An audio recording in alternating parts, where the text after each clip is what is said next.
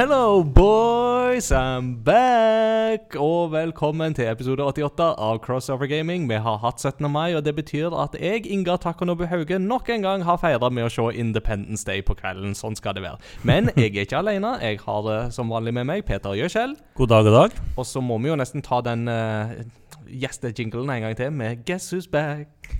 Back again. Christian's back. Tell a friend. Det er riktig. Vi har fått gjensyn av godeste, gode gamle Christian Krisleik Fonneland. Thank you, thank you, thank you. Og velkommen tilbake, Christian Hisashiburi. Tusen takk. Nå har jeg vært borte i uh, ja, nesten to år for å fullføre Assassin's Creed Odyssey. Og det Og jeg er ennå- ikke ferdig. Du, du, du, du, vet, du vet Jeg har lova at jeg ikke skal ta det, men nå er det utrolig fristende. nå, nå har jeg, jeg har etablert at det er greit. OK, da har vi etablert at nå kan vi snakke om Odyssey. Ja det. Det tok, tok det mange sekunder? 15 sekunder tok det, så var vi tilbake. Ja, altså, ingenting har skjedd. Å, deilig. Uh, nothing has changed. Eller jo. Change. Men jo, mye har jo changed.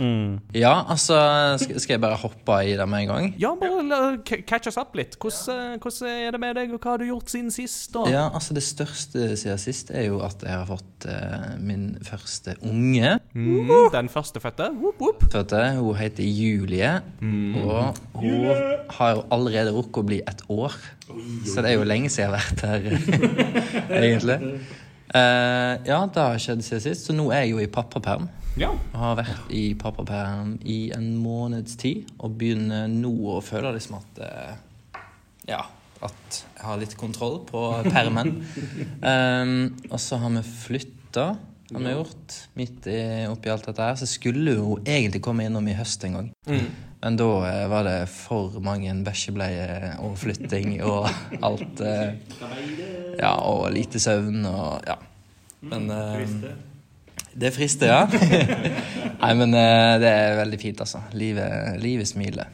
Det er godt. Det, det er klart at Man blir alltid litt sånn bekymra for disse småbarnspappaene når de havner i den der rammetåka, og alt er liksom bare sånn bæsjebleier og hele pakka. Det er bare sånn, ja, nice to know you. Men eh, du var ikke sein å be, altså. Når jeg spurte deg nå, da var du jo eh, bare sånn Ja, nei, jeg kan Ja. denne uka her, jeg. Jeg, nevnte jo eh, for deg jo rett før vi trykte rec her nå, at, eh, at jeg gikk en eller annen dag her og tenkte bare åh, ja, nå savner jeg litt å på podkasten. Jeg må få komme på besøk en dag.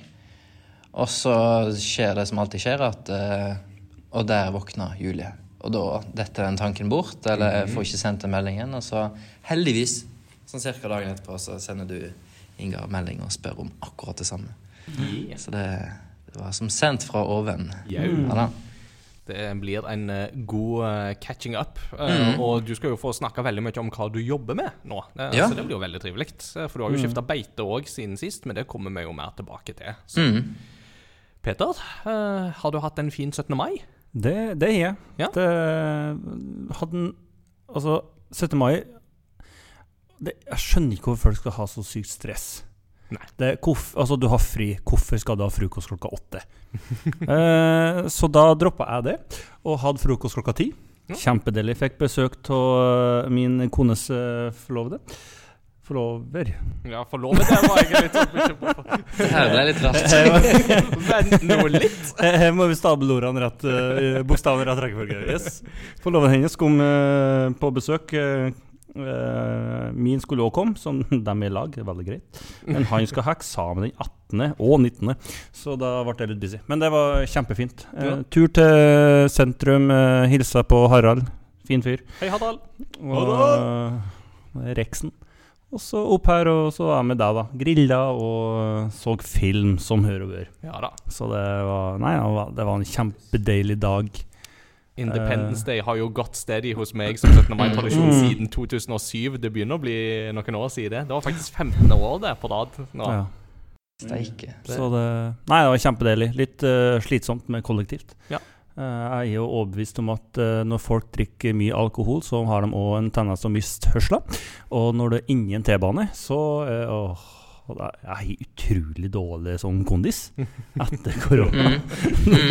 Ja, ja. På mye leven og sånt. Men eh, altså, det, nei, det gikk veldig, det gikk veldig greit. Ja, nei, men altså, det, altså Jeg nevnte jo det for kona da vi var på Hans Zimmer-konserten, som vi jo snakket om i forrige episode. Mm. At eh, når folk har fått seg et par innabords, da kan de enten bli veldig aggressive, eller så kan de bli veldig vennlige. Mm. Uh, og hun opplevde jo det at de ble veldig vennlige, for at da vi gikk fra konserten, så hun hadde på seg trenchcoats hun har sydd sjøl. Og da var det liksom de som gikk bak og sånn Det var veldig tydelig at det var hun det snakket om. Og så pirka hun en av de borti kona og så bare sånn Du, jeg må vite, har du synden den sjæl? og jeg bare sånn Ja, ja, ja, det har jeg. Det er det beste jeg har hørt i hele dag! og vi kom ifra en Hans Zimmer-konsert. Og da var det bare sånn Hun ble så glad over at Anja hadde sydd den sjøl og måtte gi en klem, for det var så fint og det var så bra. Og det var sånn, det gjorde jo dagen vet du, til kona. Jeg føler, altså Når vi kommer fra hans altså, Man kan si det som enten sitter om konserten eller sitter om kåpa, men vi vet at konserten er bra. Så da sier du jo det veldig mye om kåpa. Ja, ikke sant. Mm. Men ja eh, Jeg må jo få lov å skyte litt inn sjøl òg, da. At eh, 17. mai var veldig fin, men 18. mai var egentlig hakket finere. For vi kjøpte oss Hvorfor det? leilighet! For første, gang, for første gang i mitt liv så er jeg blitt eh, boligeier. Det oh, er sånn, Så nå sitter jeg og bare litt sånn Ja. Hva har jeg gjort? Ja, nå er du gjeldsslave resten av livet. Velkommen. eh. Yay. Ja, men det går fint. Jeg har en god spillsamling, så om ti år så bare selger jeg alt, og så blir jeg gjeldsfritt.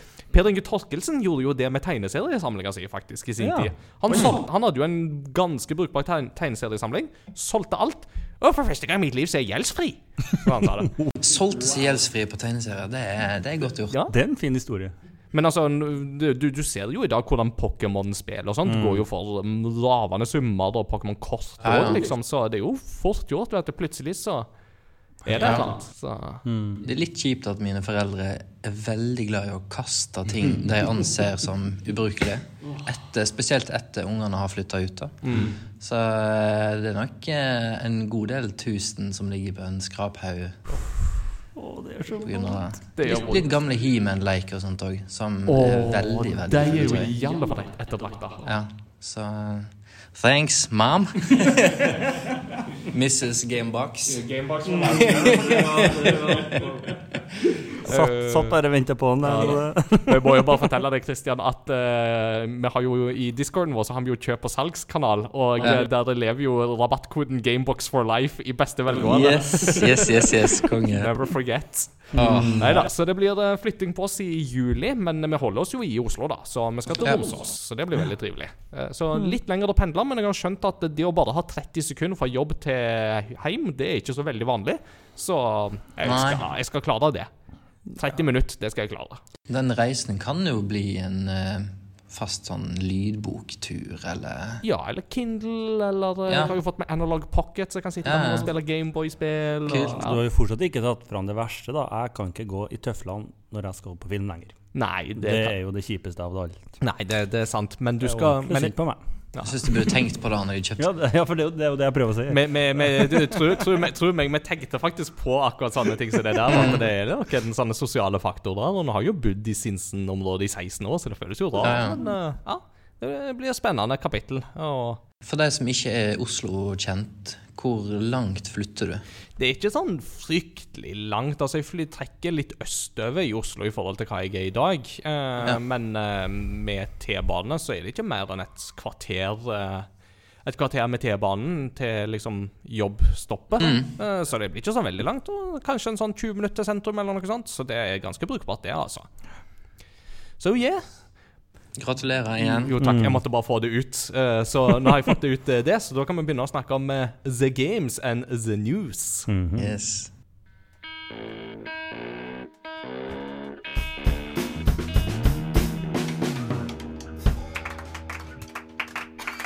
Ja.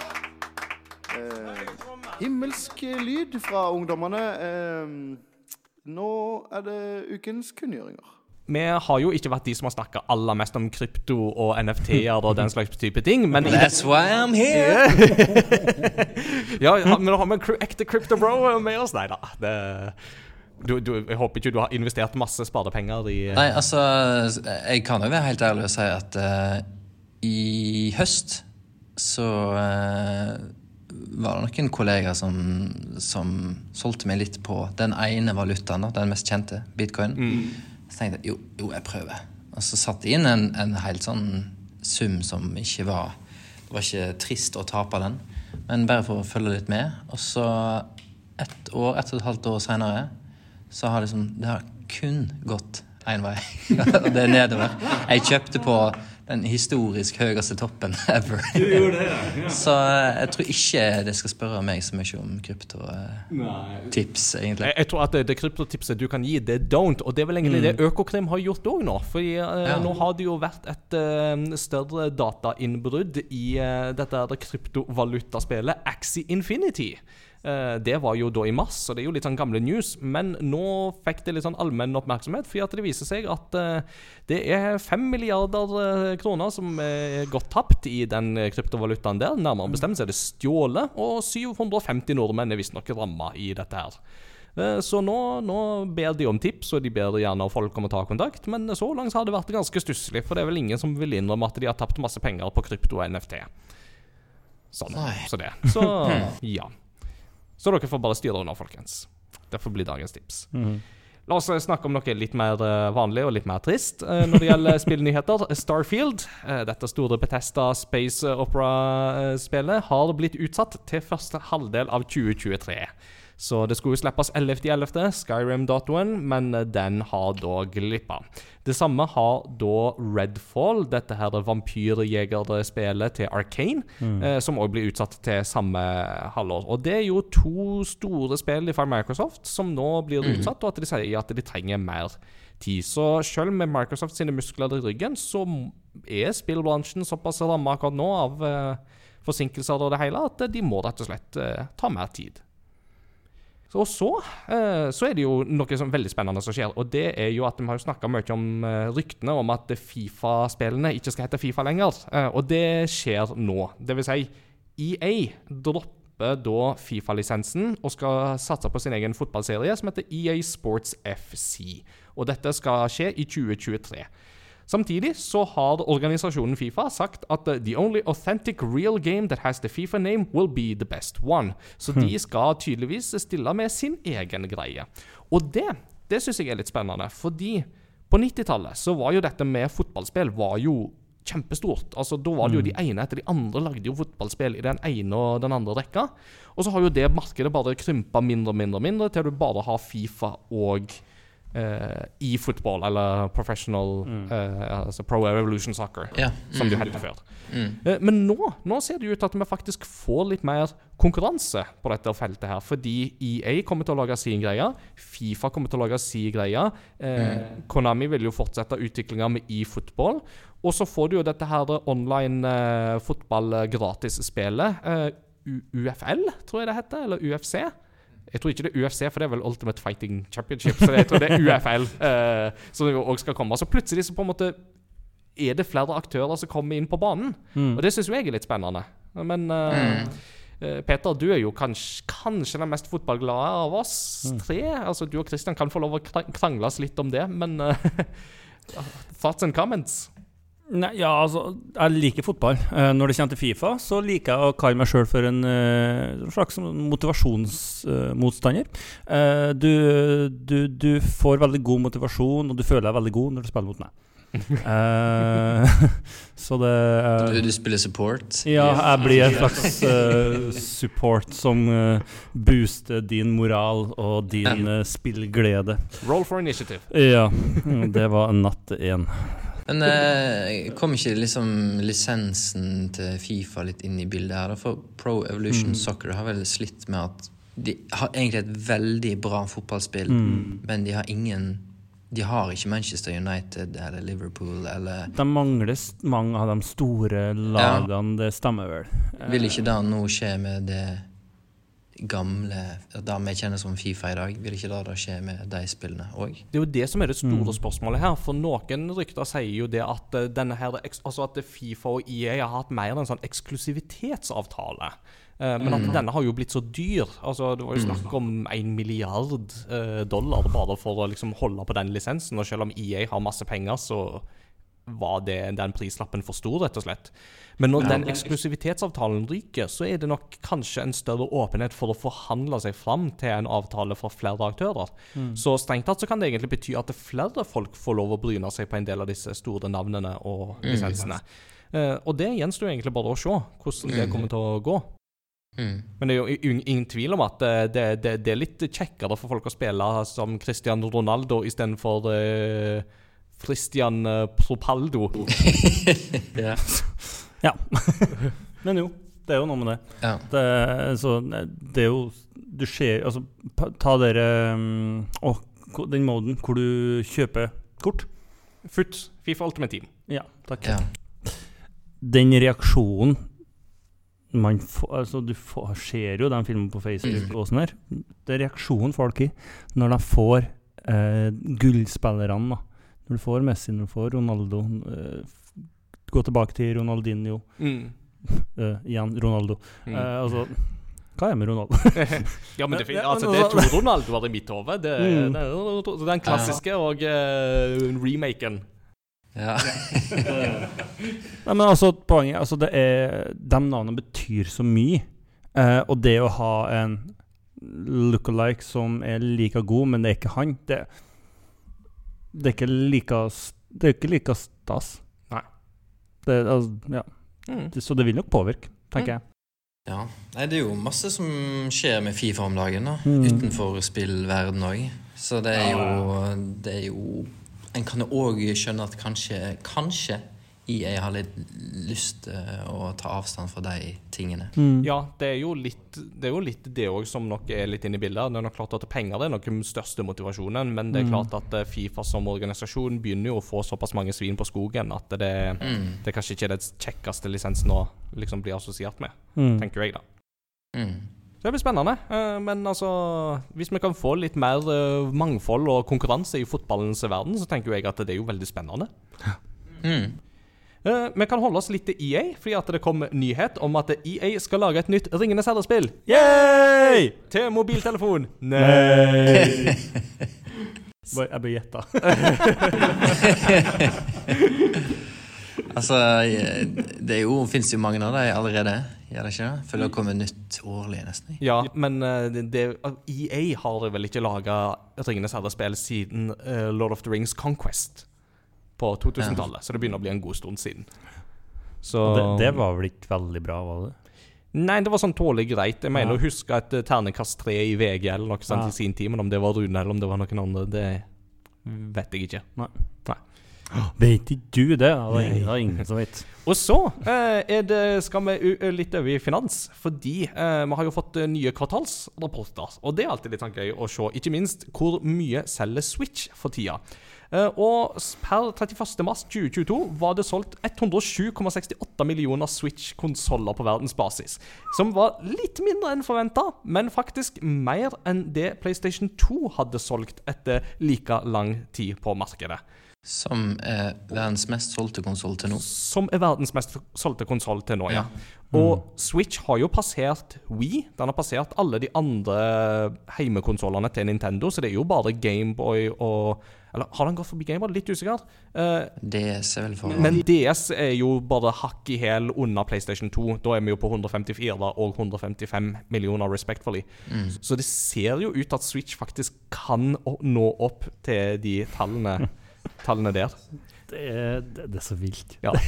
Det, det, det skal sies da at DS hadde solgt 123,13 millioner etter fem år på markedet. Eh, så sånn sett så kan du si at hvis vi sammenligner femårstallene til hver av de, så leder DS fortsatt eh, en del. Og det er jo ikke så rart, for det er jo en prisforskjell inne i bildet òg. Pluss at uh, dette med chipmangel og sånt spiller jo òg inn. Mm. Um, apropos det med chipmangel, så har jo um, Sony har ikke fått solgt så mange PlayStation 5 de skulle ha ønska, men uh, det er det vel egentlig ingen som er overraska over. Nei, de får jo ikke sagt nesten noe som helst når de ikke produserer noe som helst. Eller Ja, Ser vel ikke sånn ut. Sakte, i hvert fall. si. Ja. Snakker om uh, Switch.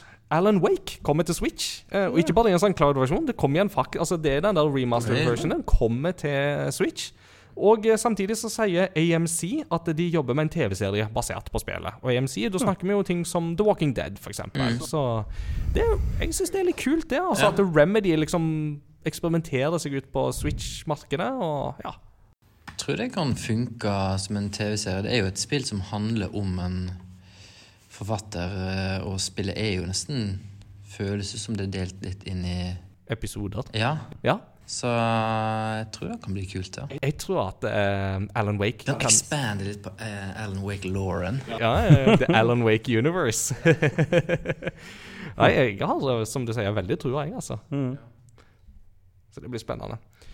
Eh, to korte nyheter til slutt. Det første, eller den første av de er at det dukker opp et Microsoft-patent, som er litt kult. fordi i praksis så lar det patentet folk validere sine fysiske spill på en konsoll med diskdrev, sånn at de deretter kan laste det digitalt på en heldigital konsoll.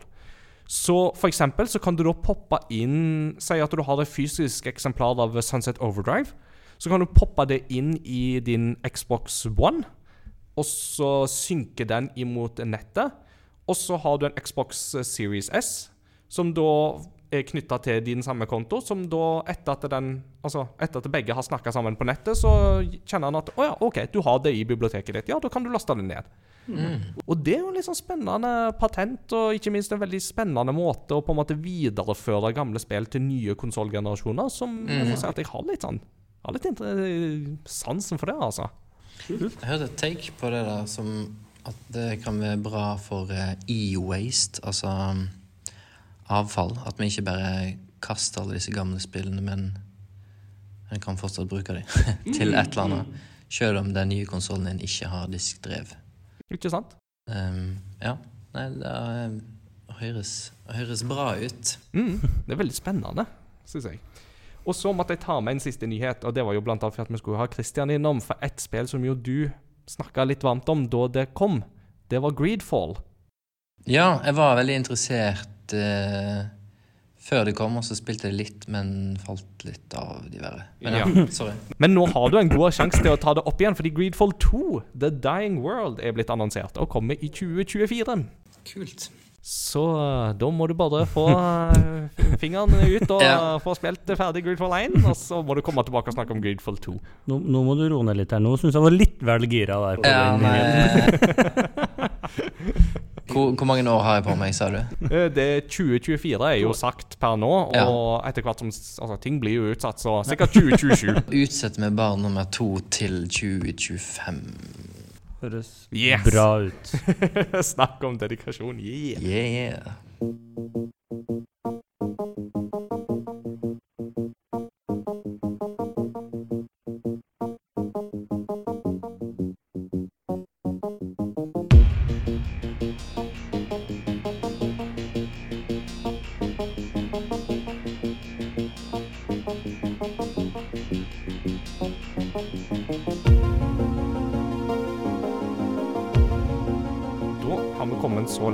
Vi skal snakke litt tema, og da har vi jo hatt det så gøy å få invitert Kristian med på lasset igjen. Det er jo alltid kjekt. Og da, Kristian Ja. Da du begynte i denne podkasten, så var du lærer på gaminglinja, altså samme som Peter er nå. Mm. Og så begynte du jo å lukte litt på andre ting, og så skifta du beite. Eh, og Mm. da begynte du jo å få jobb som eh, QA, altså Quality Assurance, eh, kvalitetstester. Så jeg tenkte at vi skulle få et innblikk i QA-arbeidet i dag. ja. Så la oss bare begynne liksom litt sånn kort med den der veien som du gikk. Ja. Prosessen til å gå ifra gaminglærer til å bli gamingtester. Ja, altså, jeg har eh, Det er ikke så veldig kort det jeg har eh, notert meg her, men jeg, jeg tar gjerne begynner fra toppen i mine Veldig gjerne. Notat her. Um, når det kommer til å jobbe med spill, så var egentlig det en ting jeg tenkte på allerede Jeg vurderte seriøst på videregående. Men uh, sikkert pga. Gamebox eller ting som det der, så hadde jeg nok på en måte iboende i meg på den tida at det var useriøst. Jeg kunne, ikke, jeg kunne liksom ikke jobbe med spill eller studere det og lage spill. Jeg måtte jo bli ingeniør eller, eller gjøre et eller annet som jeg visste jeg kunne få til, eller som kunne gi mat på bordet og alt det her. Så det endte jo opp med at jeg la det vekk. Og så fast forward eh, ti år, faktisk ti-tolv år, så hadde jeg tatt en hadde studert musikk, hadde tatt en ingeniørutdanning. Ville ikke jobbe som ingeniør. Eh, begynte å jobbe på Bibelskolen Fjellhaug. Trives veldig godt med det. Eh, hadde hatt litt programmering og litt sånn 3D-design på ingeniørstudiet. Likte det veldig godt. Og så hadde jeg hørt om Unity, da, som var en eh, spillmotor som var gratis. Og som du faktisk kunne kjøre på Mac, til og med. Wow. Oi, oi, oi. hadde wow, wow. Stopp pressen. ja. Så da lasta ned og begynte å leke litt med det. Og bare Oi, det her var veldig interessant. Og kunne liksom kjenne igjen en del ting ifra ingeniørstudiet. Eller en del ting som var overførbart. da. Mm. Um, og så åpna det seg en slott uh, på bibelskolen uh, hvor det var en lærer som hadde spillutviklingsfaget. Som annonserte ganske tidlig på våren at eh, hun kom til å gi seg til sommeren. Og da skjønte jeg at ok, hvis jeg har lyst til å gjøre et eller annet med det her og virkelig liksom begynne å teste det ordentlig Nå har jeg et halvt år på meg til å ta det liksom seriøst. Jeg snakka med kona om at jeg får lov å bruke en del fritid og date nights på det her. Eh, og så eh, rett og slett bare bli god nok til at jeg kan undervise i det i høst. Og jeg håper ikke min gamle sjef hører det her, men da gikk jeg inn til han. Ja. Før jeg kunne Unity ordentlig, så sa jeg jeg kan undervise det faget der til høsten. Du trenger ikke finne en lærer. Og han bare «Å, ok, så bra. Eh, og så ble det sånn. Du vet her på Fjellhaug, vi har stor tro på tilgivelse. Og både tilgivelse og tillatelse. Ja, det var sånn eh, heller spør om tilgivelse enn tillatelse, ja. Så um, Jeg tror det var Paulus som sa det. ja. Og bakgrunnssjekka, det gjør vi ikke. Så gjorde jeg det i to år. Og i løpet av det andre året så og Jeg syntes det var veldig veldig kjekt og satt masse på fritid og bare lagde meg liksom notat på mobilen med, med ting jeg ikke kunne, som jeg hadde lyst til å lære meg. Ok, men Hvordan fungerer AI i Unity? Um, er det kodebasert, eller er det design, eller hvordan setter du det her opp?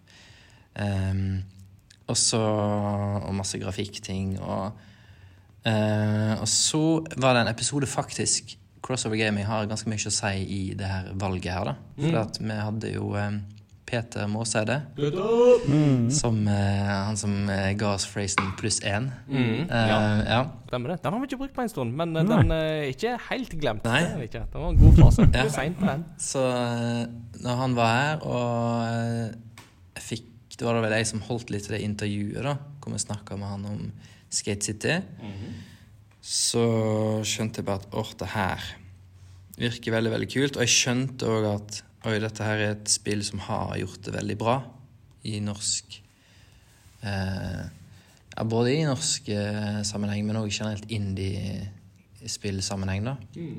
Og jeg kjente litt til Agens fra før av, og jeg tenkte de, kanskje de kommer til å utvide personalet sitt på games-avdelingen.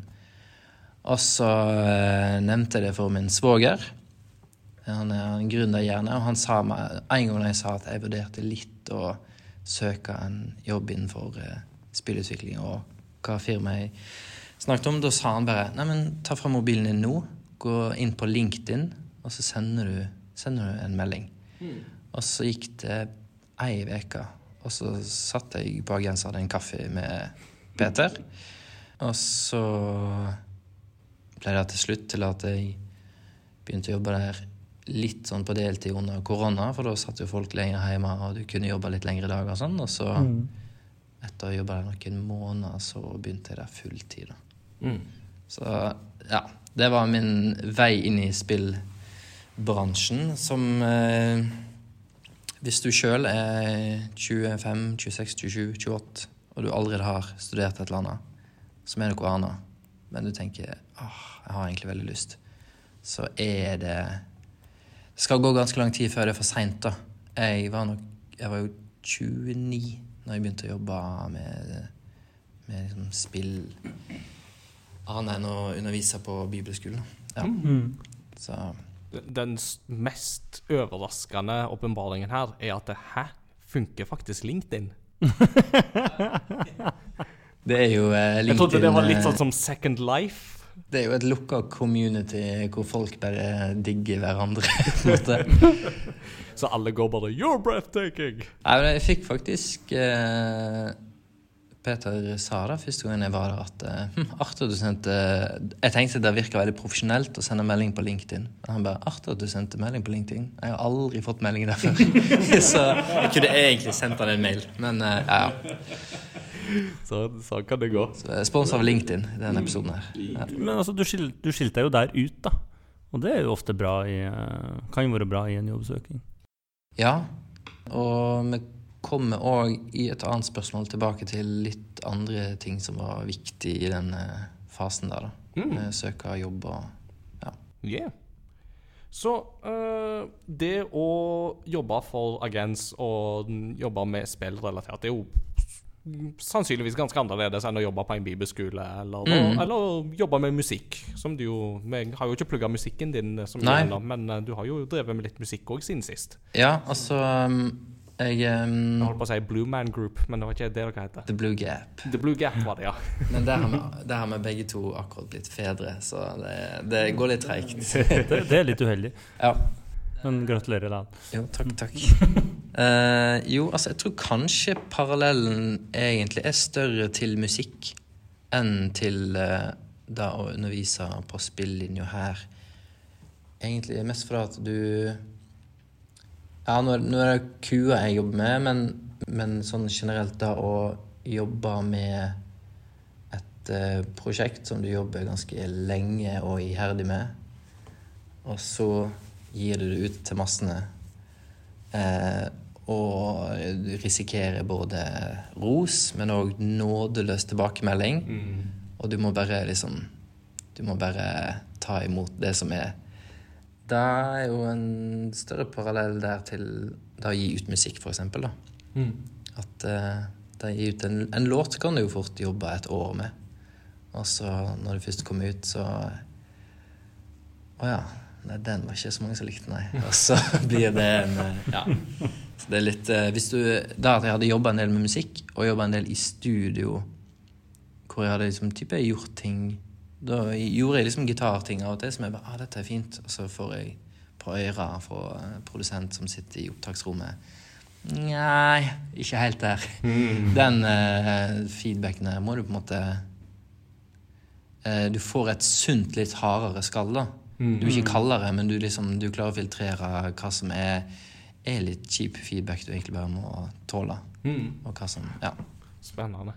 Så en typisk arbeidshverdag, altså Mm. når du liksom går inn i døra på Mm. kontoret, hvordan ser liksom en sånn vanlig dag ut, vil du si?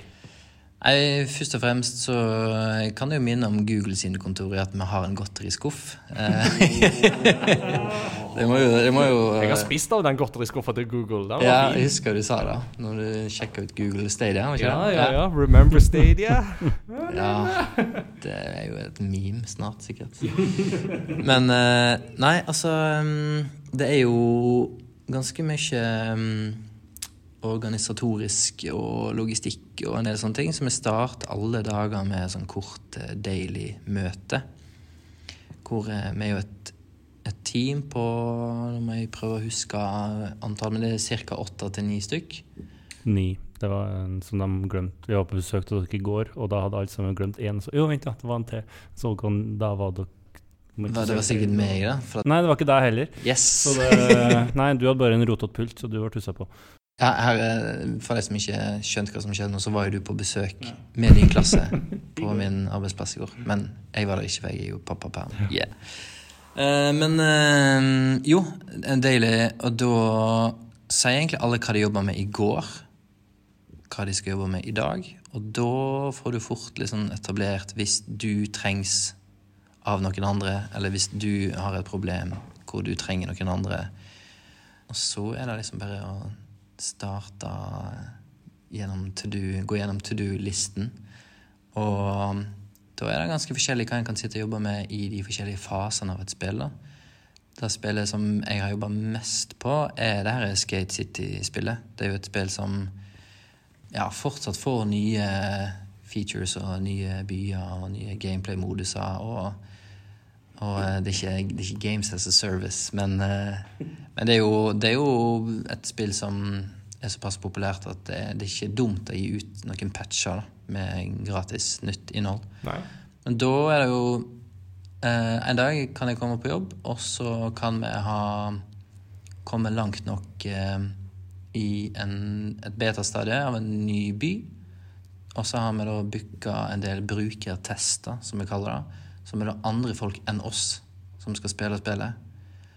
Og så intervjuer vi det litt, og så filmer vi litt, og så ser vi litt på mens de spiller. Og så får vi veldig fort kartlagt eh, ja, For eksempel hvis vi deler gruppa i to, så har vi ei gruppe hvor vi forteller om de nye featurene, og ei gruppe som ikke gjør det. Og ser vi om de som ikke har fått fortalt de nye featurene, skjønner du at det er ny gameplay-modus i spillet. Som vi har lagt altfor masse tid ned i, og kjærlighet ned i. Eller bare hopper du rett forbi.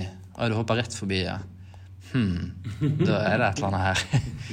eh, så det er jo en stor del av jobben, er jo liksom å, å få eh, Ja, rett og slett kvalitetssjekke ting mer og fungere ting sånn som jeg har tenkt at det skal fungere. Og ja, og det jo, ligger jo i eh, quality assurance at du skal eh, game ganske masse òg, da. Mm. Som er veldig dumt og kjedelig. Og Å nei, du må game på jobb. Å oh, nei. Ja, da. da. Nei, så det blir jo en del um, Ja, jeg tenkte på det i stad når vi nevnte at uh, det her er Starfield og Redfall Mm. var nok en gang utsatt. Så er det sikkert en eh, eller annen leder i en Q-avdeling som har grudd seg til å gå til eh, game director og bare si at sorry, men For det tror jeg fort kan skje, da. At det er den personen som kommer og sier vi når ikke den datoen der. Det er altfor eh, grove feil her, på en måte. Ja, og det er jo det det gjerne er et tegn på. ikke sant? At de, Ja. de er ærlige nok til å si at vi trenger mer tid. Det Ja. kan jo være en bonus, det, så du unngår ja. å få en sånn Cyberpunk 2077-episode, liksom. Eller Ja. Assassin's Creed Unity, en annen Unity. Og der er nok agens um, Hvis jeg skal Nå har jeg ikke jobba på andre arbeidsplasser med disse type tingene her, men når jeg hører fra andre, så tror jeg agens er veldig gode på å være veldig sånn takknemlige for QA-jobb. Mens enkelte andre plasser så tror jeg det kan være litt sånn at den avdelingen er litt sånn ikke så veldig godt likt, for at de finner jo bare feil som du gjør. på en måte, å påpeke det. Trykker opp i trynet ditt og bare nei, nei, nei, dette funker jo ikke. Hva du holder på med? Men eh, ja. Nei, så det er jo en del av jobben er jo bare OK, vi har den datoen der. Det er nå neste fredag så skal vi helst eh, gi Apple dette bygget. Og så skal det komme i AppStore. Så kan, er det blant annet min oppgave å, å bare gå til sjefen og si at nei, da, da går ikke. Mm. Da må folk jobbe overtid. Eller, ja.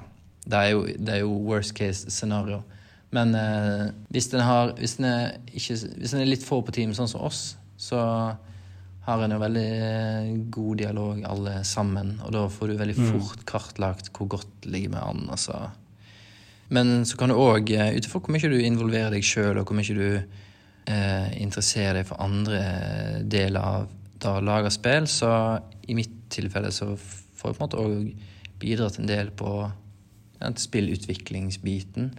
Altså du òg er et filter for eh, nye ting som blir laga i spillet. da. Fungerer Fungerer den ny, nye skatables sånn som de, de bør fungere? Føles det naturlig? Og da er det naturlig at en går innom en QR-person, for det er, det er nok den personen som har spilt spillet mest. Ja, ikke sant.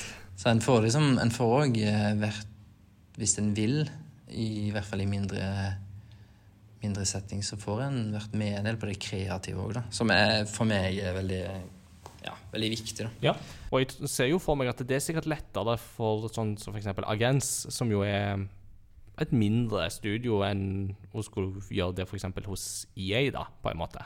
Ja, Uh, som jo er så stort at det blir litt sånn at folk drukner jo nesten litt uansett hva avdeling de måtte være i. Så ja. Jeg tror nok da um, Da er det nok uh, Ja, en kan jo si at ah, i Norge har vi liksom ingen, eller nesten ingen, sånn store, store selskap. Men hvis du snakker med de fleste spillutviklerne jeg har snakka med, Hmm. Kunne ikke tenkt seg å jobbe i et stort, stort selskap. Nei. De eh, trives mye mer i den mindre En mer indie-settingen hvor du virkelig kan merke ditt eh, fotavtrykk, da. Mm. Eller dine fingeravtrykk i i, um, i spillet, på en måte. Det er en spennende, spennende tanke. Mm. Ja, så interessant. Um, hvordan vil du si at arbeidshverdagen din er i forhold til de tanker og forventninger du hadde før eh, du begynte i Agens? Hva vil du si er omtrentlig som forventa, og hva vil du si var kanskje litt overraskende? Ja. um, det var mer kreativt enn jeg trodde når, når, jeg fikk, fikk tilbudt Jeg søkte jo ikke på en QA-stilling. Jeg kom og bare var veldig sånn um, dødsærlig på at ehm, jeg har lyst inn i Jeg har lyst til å jobbe med spill, jeg har lyst til å jobbe med agens. Uh, how can we make this happen? Eh, og at jeg uh, var her for å Ja, var, var her for å lære og, og hadde med en del ting jeg hadde laga sjøl. Og, og når jeg da fikk det tilbudet om kua, så, så var jeg forberedt på at OK, men da det er veldig lærerikt, veldig spennende. Du får et innblikk i how the sausage is made, mm. som er veld, veldig lærerikt. Eh, men det har vært mer kreativt, sånn som jeg snakket med i enn hva jeg trodde. da. Og det er veldig kjekt. Og så er det en, arbeidsplass med relativt flat struktur. Det er liksom ikke sånn superstrengt hierarki. Det er jo da hierarkiet som på en måte må være der. Det må jo være en, en sjef. Hvis ikke så er det jo ingen som får gjort noe. men, eh, men du har på en måte Du har ganske stor påvirkningskraft, da. Ja. Som er veldig, veldig kjekt. Og så var jeg nok litt spent på Vi snakket litt om det her med musikk i stad. Og, og altså Vi må nok alle her eh, se oss i speilet, og lytterne òg, og innrømme det at vi er som gamere så er vi verdens vanskeligste publikum. Det er jo Hvis de gir ut ei plate som er litt kjipere enn forrige plate, så får du ikke drapstrusler. Nei. Men da gjør du hvis de gir ut et spill som ikke innfridde til alle forventningene. Hvis du, eller- hvis du synger om ei dame, så får du ikke beskjed om at «Å, men damer kan ikke være sånn, det er urealistisk å ha damer med i musikk. Ja. Det er for eksempel for Skate City sin del, så er det en håndfull eh, med folk i sosiale medier som er hver gang Snowman, altså publisheren vår, hver gang de deler Hvis det er et eller annet nytt med Apple Arcade, eller hvis det er, kommer noen ut til Skate City, eller, eller et eller annet, at det er et eller annet de deler i sosiale medier, så er nesten kommentarfeltet alltid fullt med folk som er pissed fortsatt fordi at det ikke kommer til Android. Mm. Ah. Og det er liksom, så er det spy-emoji og sinne-emoji. Og, Så jeg var nok litt sånn Jeg visste jo disse tingene her, at liksom hvordan den verden der kan være. Og, så jeg var nok litt sånn spent på hvordan kommer jeg til å takle den negative biten av spillerfeedback, på en måte. da. Mm. Eh, Men det har gått veldig bra, og det blir jo eh, virkelig løftet opp av eh, noen, noen til tider ekstremt hyggelige anmeldelser. Jeg las en her om dagen. Vi har, et, vi har et system på jobb hvor vi, vi får inn Altså Dette spillet blir jo som oftest uh, får det en review i AppStore. Og AppStore er, er som re, Jeg tror hvert land på en måte har sin egen AppStore. Ja. Så hos oss så kommer liksom feedbacken inn, og så ser vi hva land det kommer fra. Jeg husker ikke helt hva land dette her var, men det var en kar som hadde skata en del sjøl. Eh, og starta med å si 'This is a god tier game'. og da, da, det var noe for noen dager siden jeg var i pappapermen, og det er jo ikke Det er ikke noe NDA å si det her, for det jo, ligger jo på en appstore en eller annen plass. Men eh, da kjente jeg bare åh, det var Det var godt. Det er de tilbakemeldingene man, man lever for, tenker Ja, ja, jeg. Eh, og så må en liksom bare ha litt sånn humor på de tingene òg, da. Det har jo kommet inn noen, noen anmeldelser som bare I'll have whatever he's having-stemning. For at du bare hva, hva er det du babler om nå? Det er en som eh, ga en gang spill uh, uh, ja, I AppStore gir du én til fem stjerner. Som ga det én stjerne. Og utenfor hva teksten han skrev, så virker det som at han ga spillet ei stjerne fordi at han hadde spilt det litt, og så hadde han gått ut og skata, og så falt han og slo seg. Og så ga han spillet. det var sånn- det var ikke så lett å skjønne om det var det det du mente, men det var, det var litt sånn han skrev, så bare Da må du jo bare Ja, ta det med Så, humor. så, så du, bare, du bare svarte han ikke med 'Are you tripping?' Så han, han tenkte da tydeligvis at å ja, men det her ser lett ut. Og så gikk jeg ut og skata sjøl, og så oppdaga han mm, det er vanskelig, så hele spillet er basert på løgn. Ja, ja. Det, det er urealistisk. Mm. Terningkast én. Nei, eh, så eh, Ja. Så den biten er egentlig går egentlig veldig bra. Det var liksom ikke Jo, og så tror jeg nok min største forventning var liksom bare å komme inn i i liksom spillutviklingsmiljøet. Og da å liksom bli kjent med noen flere folk, og det har jo virkelig ikke skuffa. Og det var sånn en av de første dagene jeg var på Agens og hadde liksom skrevet kontrakt og skulle begynne å jobbe. Så jeg hilste på en som begynte et par måneder før meg. Pratet litt med han, og så viste det seg at eh, ja, det her er ikke første gangen han jobber i et spillselskap. da. Jeg var ja, hva du har gjort før, da? Og så Han er jo oppe i 40-årene nå og jobber liksom, i spillindustrien siden han var 19. Oi. Og eh, har liksom lært seg alt sjøl og, og er sinnssykt dyktig. Og så spurte jeg ja, hva spill er du har jobba på, da? Jeg bare, Nei, jeg jobber på Drømmefall. Og, og så begynte han å liksom liste spill som jeg husker jeg satt som liten kid på besøk hos kompiser og satt foran dataen og spilte. Og jeg bare fikk frysninger og bare Dude, altså Det her er jo som å møte en, en helt jeg ikke visste jeg hadde, på en måte.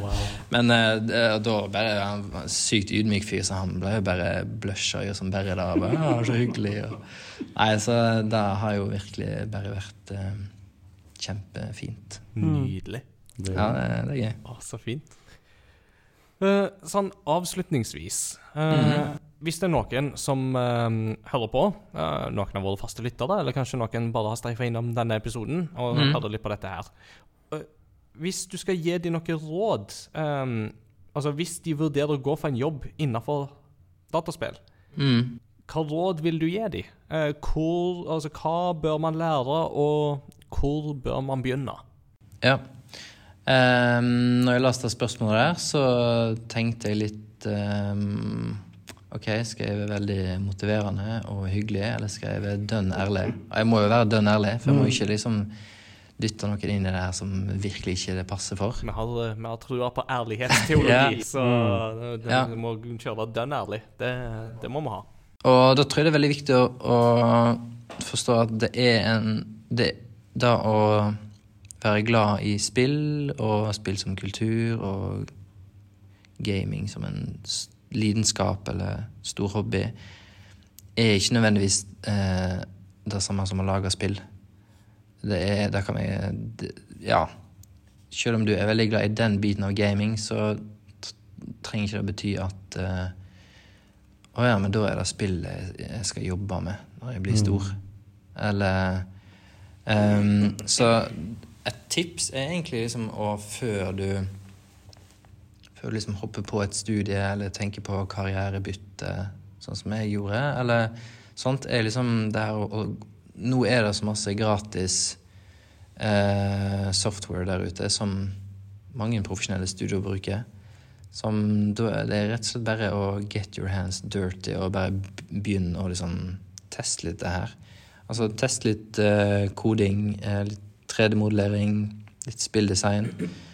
Eh, på fritid. Og bare begynne å smake litt på Er det her Liker jeg å, å være kreativ på den måten her? Liker jeg å knekke disse nøttene her? Syns jeg det er greit å veldig ofte stå fast og føle at jeg må google hver minste ting? Eh, og noen vil synes at det er utrolig motiverende, og de elsker den utfordringen. Og andre vil tenke nei, jeg har heller lyst til å game. Og det er nok viktig å være litt ærlig på den biten der, da. Jeg, jeg tror de som er glad i den typen, det er de som spiller From Software-spill. Ja, akkurat å si det. det er liksom, Stå fast, stange hodet i veggen, google den minste ting. Det hørtes sikkert veldig ut som Elden Ring. Ja. Nei, så hvis jeg skal på en måte oppsummere det, så da punktet der, så ville jeg sagt at ja, ikke søk kun for at du på utdanningen, da. Kun for at du liker gaming, men når så bra verktøy er gratis der ute, test litt før du tar det steget. Um, og så neste punkt her er at uh, du, du trenger ikke være god i alt. Det er helt uh, Det går fullt an å faktisk òg å jobbe i et indie-studio solo. Altså lage ditt eget spill uten å kunne kode. Det er faktisk mulig, så du trenger ikke tenke at du du må like alle sider ved spillutvikling. Du er ikke nødt til å like både koding og 3D-modellering eller sculpting. Du kan, du kan være god i en av de. Du kan være god i, i lyddesign eller Ja, det er mange aspekt her, da. Um, så hater du programmering, hat er et veldig sterkt ord. Men eh, misliker du programmering, men elsker 3D-modellering, så er det fortsatt fullt mulig å live that dream. Um, og neste tips, punkt jeg har skrevet her eh, Da kommer jeg på en måte litt tilbake til den det her slags åpne jobbintervjuet jeg hadde med Peter. da. Um, og det er at hvis du skal søke jobb Det her gjelder både når du er ferdig student, eller hvis du ikke har studert det her, men jobber med noen helt andre ting. At em, hvis du skal søke jobb, så bør du liksom komme med noe material i hendene. Og det som kommer deg lengst av gårde i et sånt intervju, er, er ikke nødvendigvis eh, en konsepttegning du har. Men hvis den konsepttegningen har blitt til en interaktiv eh, 3D-rom som kjører live i Unreal f.eks., eller Unity, på en maskin som du har med deg og kan sette foran den du prater med, og personen kan drive og gå rundt i den verden, da selger ganske mye bedre enn en, Selv om den tegningen er veldig bra, så selger det bedre enn den tegningen. da. Så da du har noe håndfast å på en måte søke med, da. Og i Agens så driver vi jo en del med apper òg. De som har en spillavdeling, og så har vi en annen avdeling som Eller flere andre avdelinger som jobber med apper, da. Og en ting som alltid slår bra an i den app-gjengen hvis det er en person som søker om jobb der, er hvis personen kommer søker om jobb og har allerede en app personen har laga sjøl i AppStore, som har noen brukere. Et par hundre eller et par tusen brukere. Hvis den personen kommer Jeg har en kollega som har null utdanning innenfor det her. Var SAS-flypilot i ti år. Og så ble han permittert, og så kom han eh, på agens og sa eh, ja, jeg har lyst til å søke jobb her, og jeg har den appen her, da, som er i AppStore, som alle SAS-flypilotene bruker for å synke kalenderen sin eh, opp mot eh, flygninger og alt sånt. Og da var det bare OK, eh, du skal få jobb. versus, versus en A, topp A-student som ikke har gjort noe håndfast etter studien. på en måte. Ja.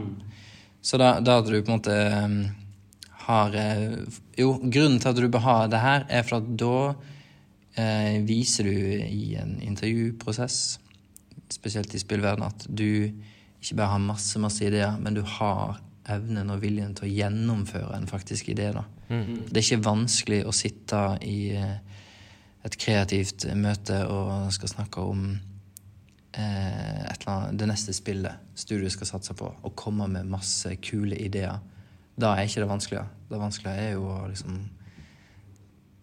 klare å gå for en idé, om det så ikke er den beste, men bare «Nå- går jeg for det her, og så la, gjennomfører jeg det faktisk. Mm. Istedenfor at det bare ble masse løse ideer og ja, Mm. høye tanker. Ja. Og så neste punkt. Det er jo på en måte min vei et slags eksempel på det. At du er ikke nødt til å studere spilldesign eller spillutvikling for å jobbe innenfor spillindustrien. Eh, og da leder meg rett videre i eh, det kuleste punktet her. Det er ikke for seint. Eh, Miyazaki, han som nå er vel sjef i From Software, han uh, gjorde et karrierebytte når han var 29 år. Og da hadde han jobba som økonom uh, i et eller annet amerikansk selskap i Japan. da. Og så var det vel i 2003 2003 at en kompis av han hadde spilt ICO. Ja. Og bare du, du er nødt til å spille det spillet her.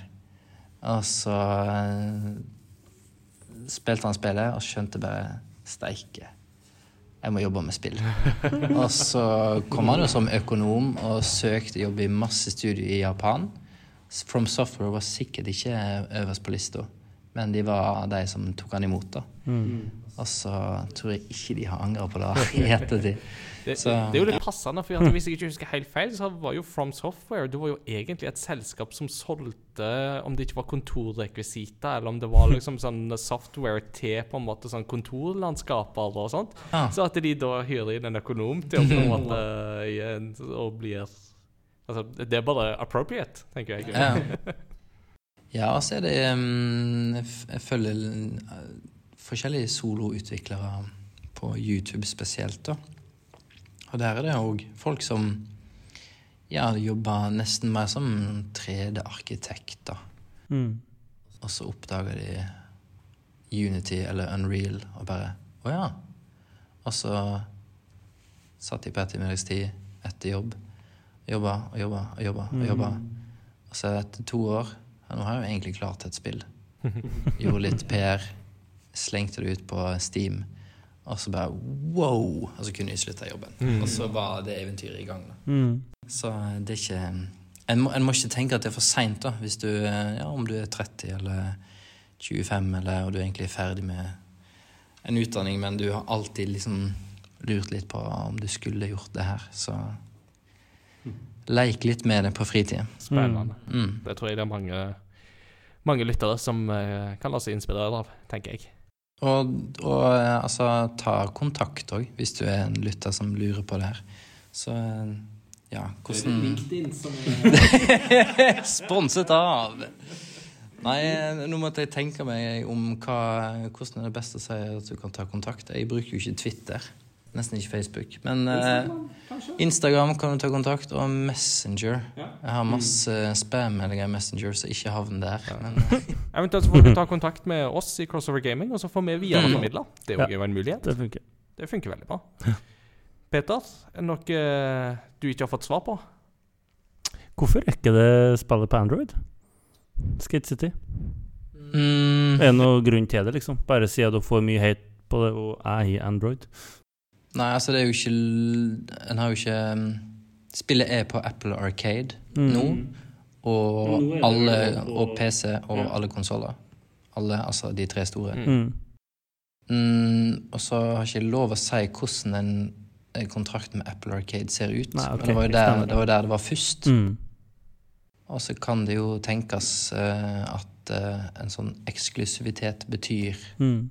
betyr eh, ha med seg noen eh, ting i små skrifter. Eh, og det som, et, det som gjorde vondt hos spillere, jeg tror ikke nødvendigvis var at det ikke kom til Android, men at det helt i starten, når det ble annonsert at det var jobba med, så var det òg annonsert til Android. Og så ble det trukket derifra. Ja, ikke sant. Mm. Så det var nok det som gjorde mest vondt, eh, vondt for folk. Men Mm. eh, da sier jeg bare eh, Don't you guys have an iPhone? Nei, selvfølgelig ikke. Nei, jeg prøvde å ta en Blizzard-referanse her, men uh, ja. Nei da, Blizzard har jo eh, satt, annonsert eller kommet med et mobilspill òg nå, eh, og det var litt sånn eh, Jeg vil ikke ha telefon. Mm. Eh, jeg husker Ja, det er litt sånn eh, Altså Vi skal ikke sammenligne oss med en Blizzard, men det er litt sånn know your audience. Hvis du er elska i uh, PC-verden, og du selger mer enn nok i PC-verden, så er kanskje ikke mobil eh, riktig å plutselig satse på. Nei, kanskje ikke. Med de visdomsordene der, så tror jeg vi tar en eh, pause. Eh, Så kommer vi tilbake i del to. Da skal vi høre litt om eh, lytternes 17. mai-feiringer. Og så skal vi jo få en ramsalt liste med hva du har spilt si- sist, Kristian. Så nå må du bare begynne Yes. å grave i de siste to årene. Har du blitt ferdig med Odyssey eller ikke? Det gjenstår jo å se. Vi er straks tilbake.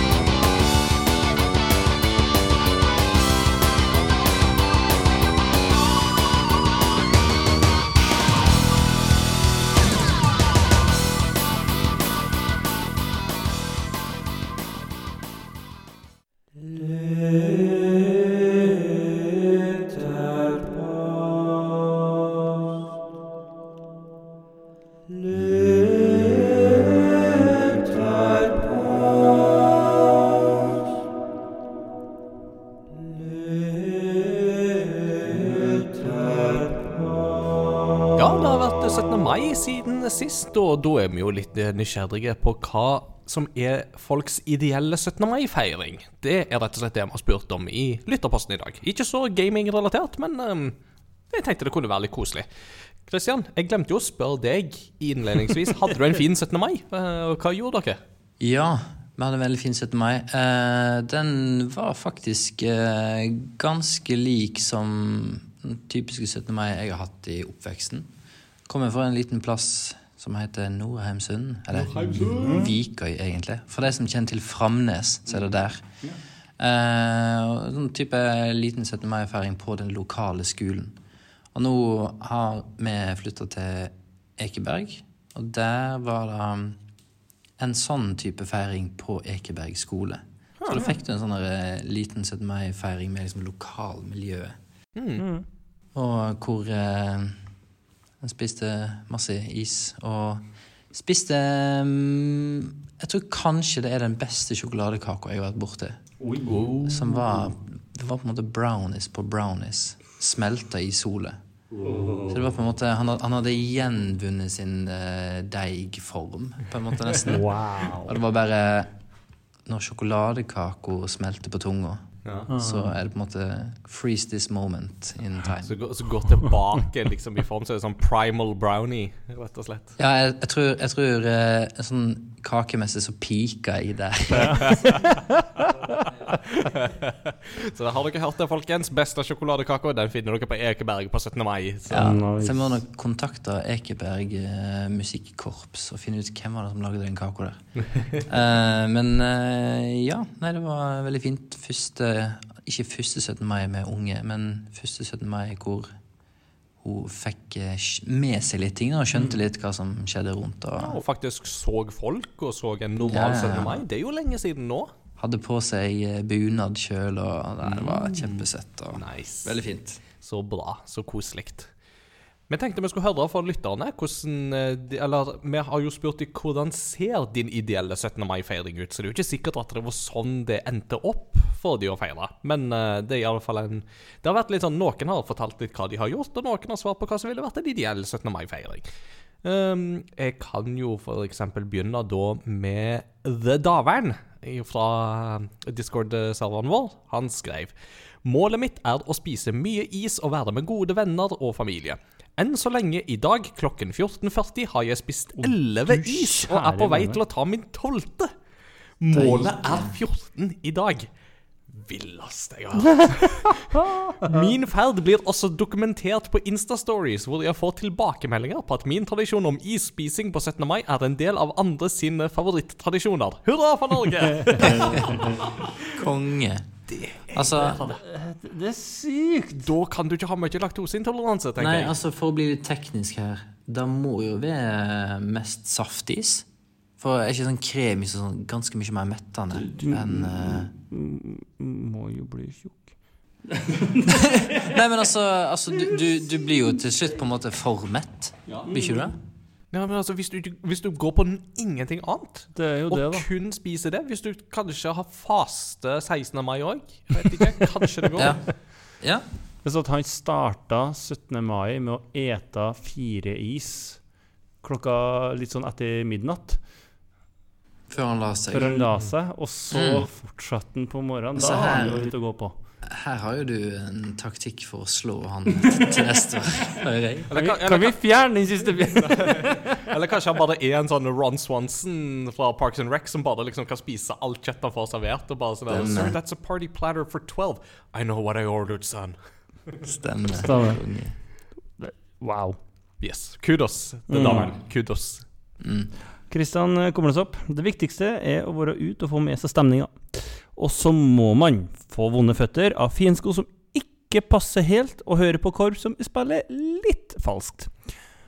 Ja, Mm. det høres jo riktig ut. Høres jo veldig riktig ut, det, spør du Mm. meg. Mm. Absolutt.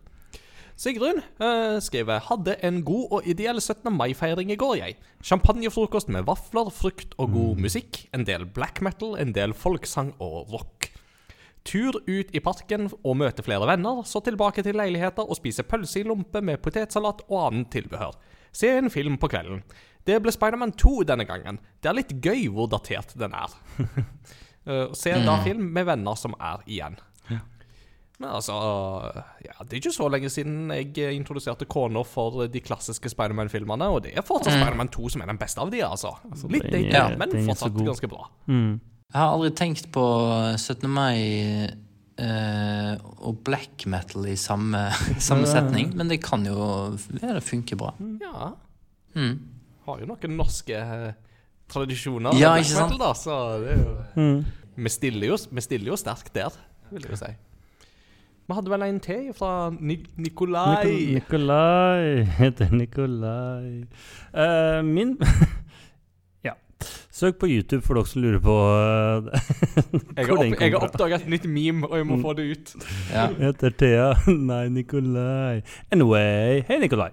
Min favoritt 17. mai er å være hjemme med kona, spise god frokost, se litt på NRK sin sending, slappe helt av og vite at alle andre er ute og slipper ute, og jeg slipper å være ute blant den store folkemengden og stresse. Spise litt is, lese litt, leve livet i ro med de jeg er glad i.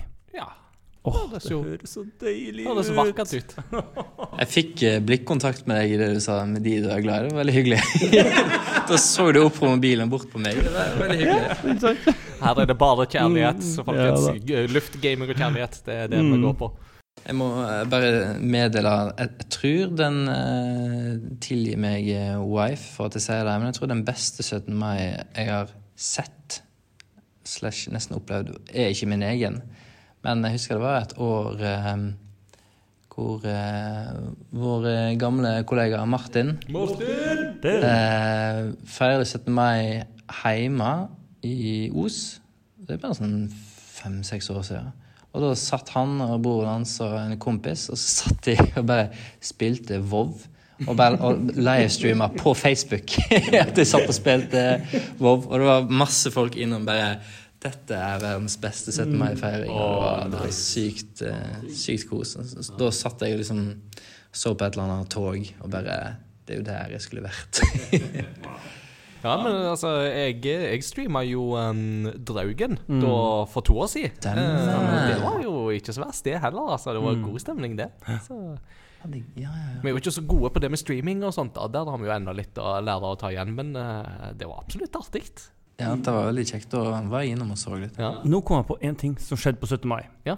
Og årsaken til at jeg syns det er litt fascinerende, det er fordi at den tingen som skjedde med meg på 17. mai, det har skjedd én gang før. Da og på 17. mai. Og det har kun skjedd her i Oslo. Og det at jeg ble drept på av en fugl. Ja. Det skjedde første året mitt her i Oslo, Hmm. og nå skjedde det sannelig igjen. Ja. Hvor lenge har du bodd i Oslo nå? Ti år? Er tiårsjubileum også? Nei, jeg skal se 28 år. Det burde vært ti. Det hadde liksom vært det, det hadde vært veldig stemning. Og så var det den samme fuglen. Ja. Helt klart. Så Nei, det er jeg helt sikker på at det ikke var. Både var ikke samme type fugl engang. Uh, Konsistensen. ja, den var litt annerledes. Det smakte litt annerledes. Nå, nå, nå sitter jeg bare og nynner på Seagulls Stop It Mm. Now i hodet mitt. Jeg har mer trua på at det var det den siste gangen, for å si det sånn.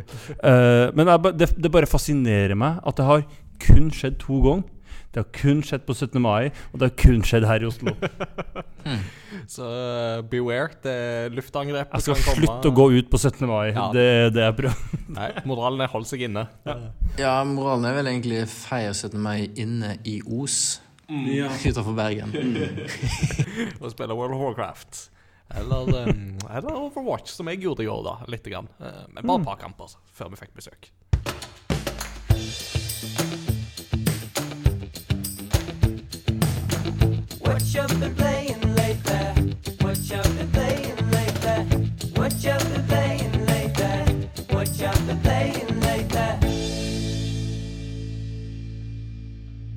Ja, jeg tisa det jo litt i stad med å si at jeg hadde spilt Overwatch siden sist, men det er jo ikke så veldig nytt. Så Christian, nå er det jo Nå er det lenge siden vi har hørt hva du har spilt i det siste. Så mitt første spørsmål her er Har du fått prøvd Elden Ring?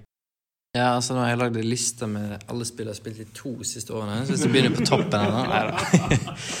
Nei, altså Ja, Elden Ring. Eh, hvis jeg skal dele en kjapp en Elden Ring-historie, så er det som eh, pappa som Altså, som pappa så er det jo én ting du Det du savner mest, er søvn. I hvert fall i, i perioder, da. I faser. Men jeg hadde likevel gleda meg så masse til Elden Ring at den dagen Elden Ring launcha, så sto jeg opp halv fem om morgenen. Lagde meg kaffe. Lista meg stille inn i stua. Satte meg ned, tok på PlayStation med, med headset. Altså, og da hadde jeg to timer før eh, Julie våkna. da. En, jeg, selv om jeg var daudtrøtt resten av dagen, så angrer jeg på nothing.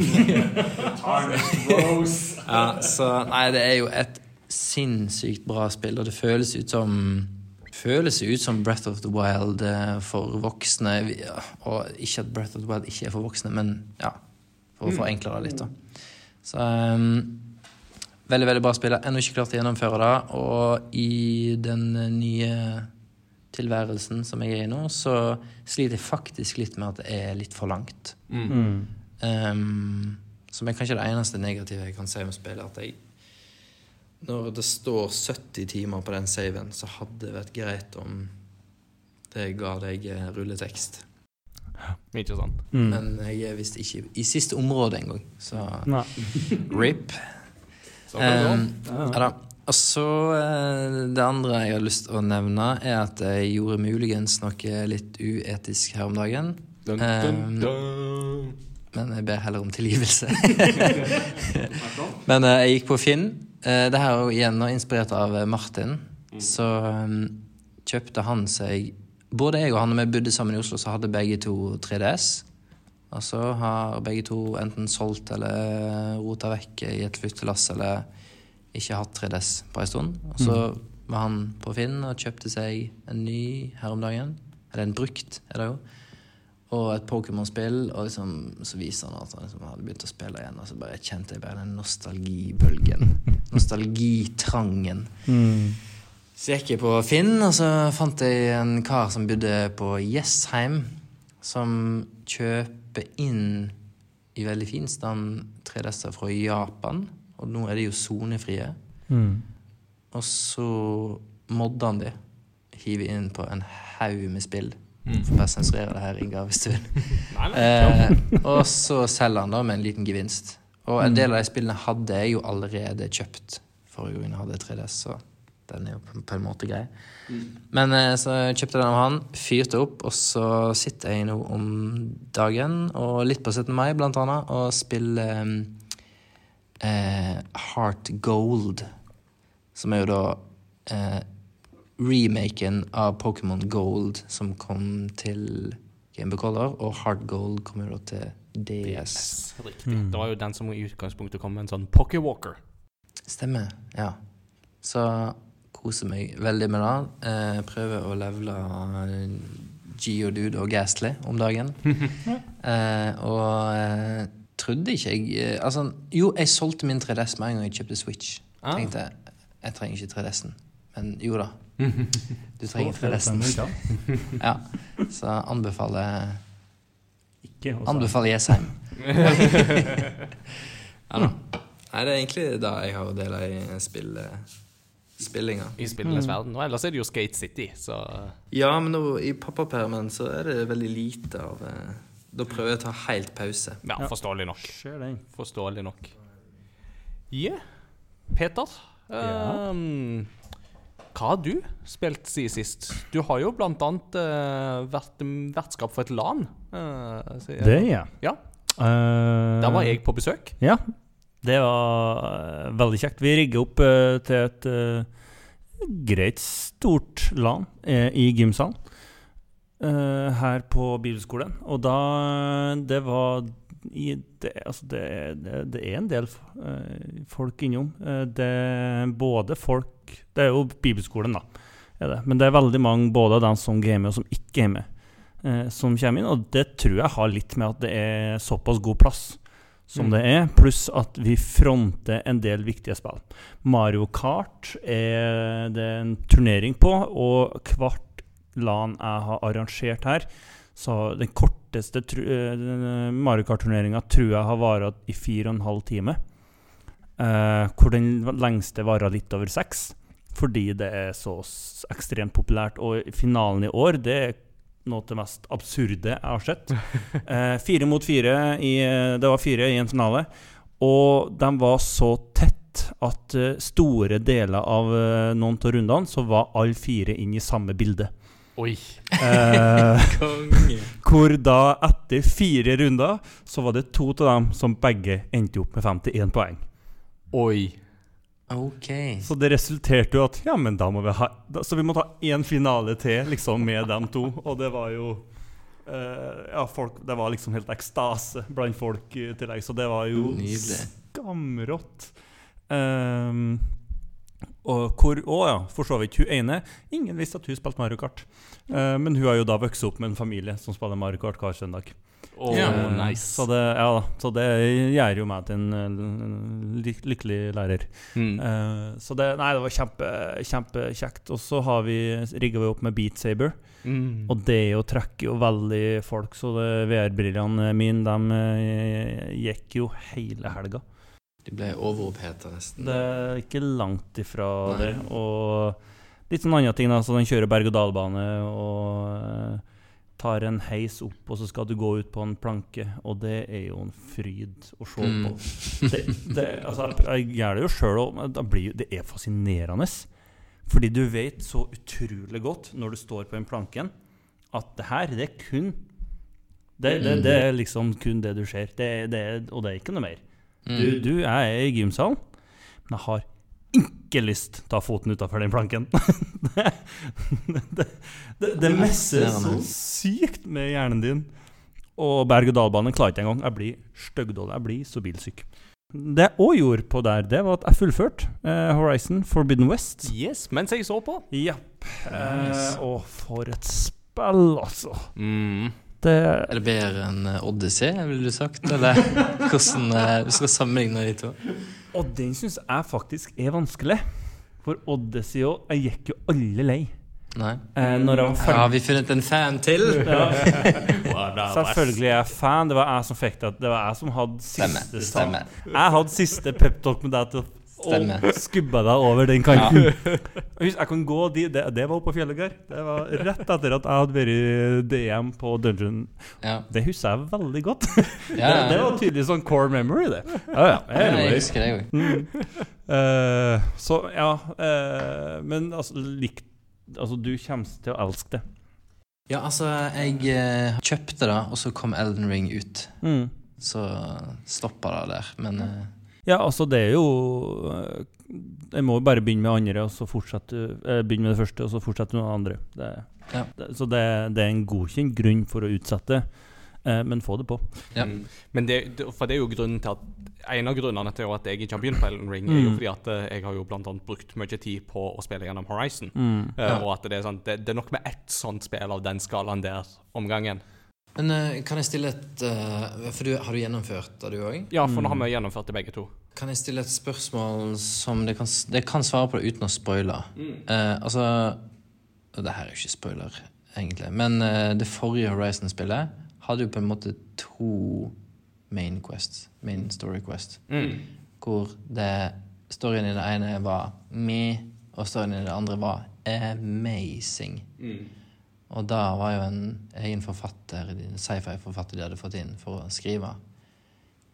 Hvordan er storyen i toeren? Er det tydelig at de har tatt med seg han forfatteren videre, eller? Akkurat det er litt vanskelig å svare på hvorvidt de har gjort det. eh, For det, det er jeg jo usikker på om de har gjort eller ikke. Men jeg vil absolutt si at historien står til pers her. Mm. Og jeg vil nok si at eh, de to delene på mange måter lever bedre sammen denne gangen enn det de gjorde i det første spillet.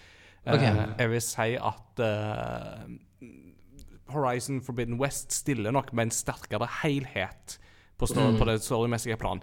Selv om det første hadde noe større sånn her say what-øyeblikk, der du ble skikkelig tatt på senga over noen Ja. av de historietvistene som du snakker om. ikke sant? Men som nå allerede er etablert. Ja, mm. og, altså, og du får jo noen twister og turns her òg, det gjør du jo, men det skal liksom litt til for å overgå de Ja. øyeblikkene der fra det første spillet. Mm. Nei, men, ja. Ja, ja.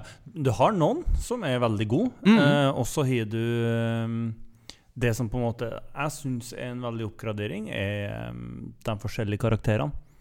Uh, for de var ikke alltid like bra i uh, det første. Mens uh, karakterene du treffer på i Forbidden West, er jevnt over veldig godt gjennomført. Veldig bra ordna. Um, Mm. det, det var liksom én karakter som irriterte meg litt i starten, men hun har vært Hun, du, hun vokste veldig på meg. Ok. Uh, ah, hun er bra. Mm. Det var nok til å si at den skam det var. Det. så uh, Ja, og, og så er det jo helt fantastisk, da. Det var jo uh, på grunn av det spillet at jeg plaga kona mi nok til at vi endte opp med å kjøpe ny TV. Ja. Eh, fordi jeg så så tydelig at med den gamle TV-en, som var en helt OK TV Aldri tenkt på det før jeg tok opp Forbidden West. Og så skjer Og da så jeg så godt på TV-en at her går jeg glipp av noe. ja.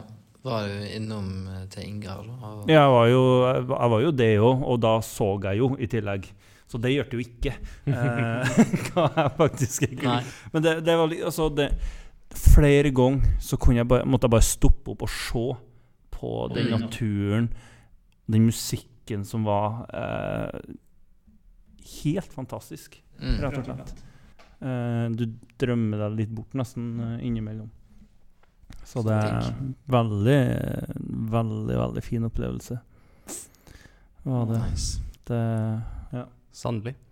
mm. Men det er ikke det eneste du har spilt, jeg på lista. Nei, jeg har spilt litt uh, League of Legends Ja. fortsatt. Eh, innom, innom der. Uh, også har jeg spilt uh, Hades.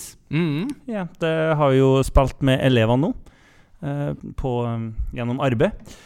Og det å Jeg koser meg skikkelig med det. Jeg syns det er artig. Mm. Og jeg kanskje koser meg litt mer med det fordi at elevene hata det. sånn Wow. ordentlig. Det var, eller du kunne dele klassen veldig sånn i to. Eh, kjempeinteressant hvordan eh, noen var liksom bare Det, det er det verste de har vært igjennom. Eh, mens andre Én elev har sikkert klokka snart 100 timer.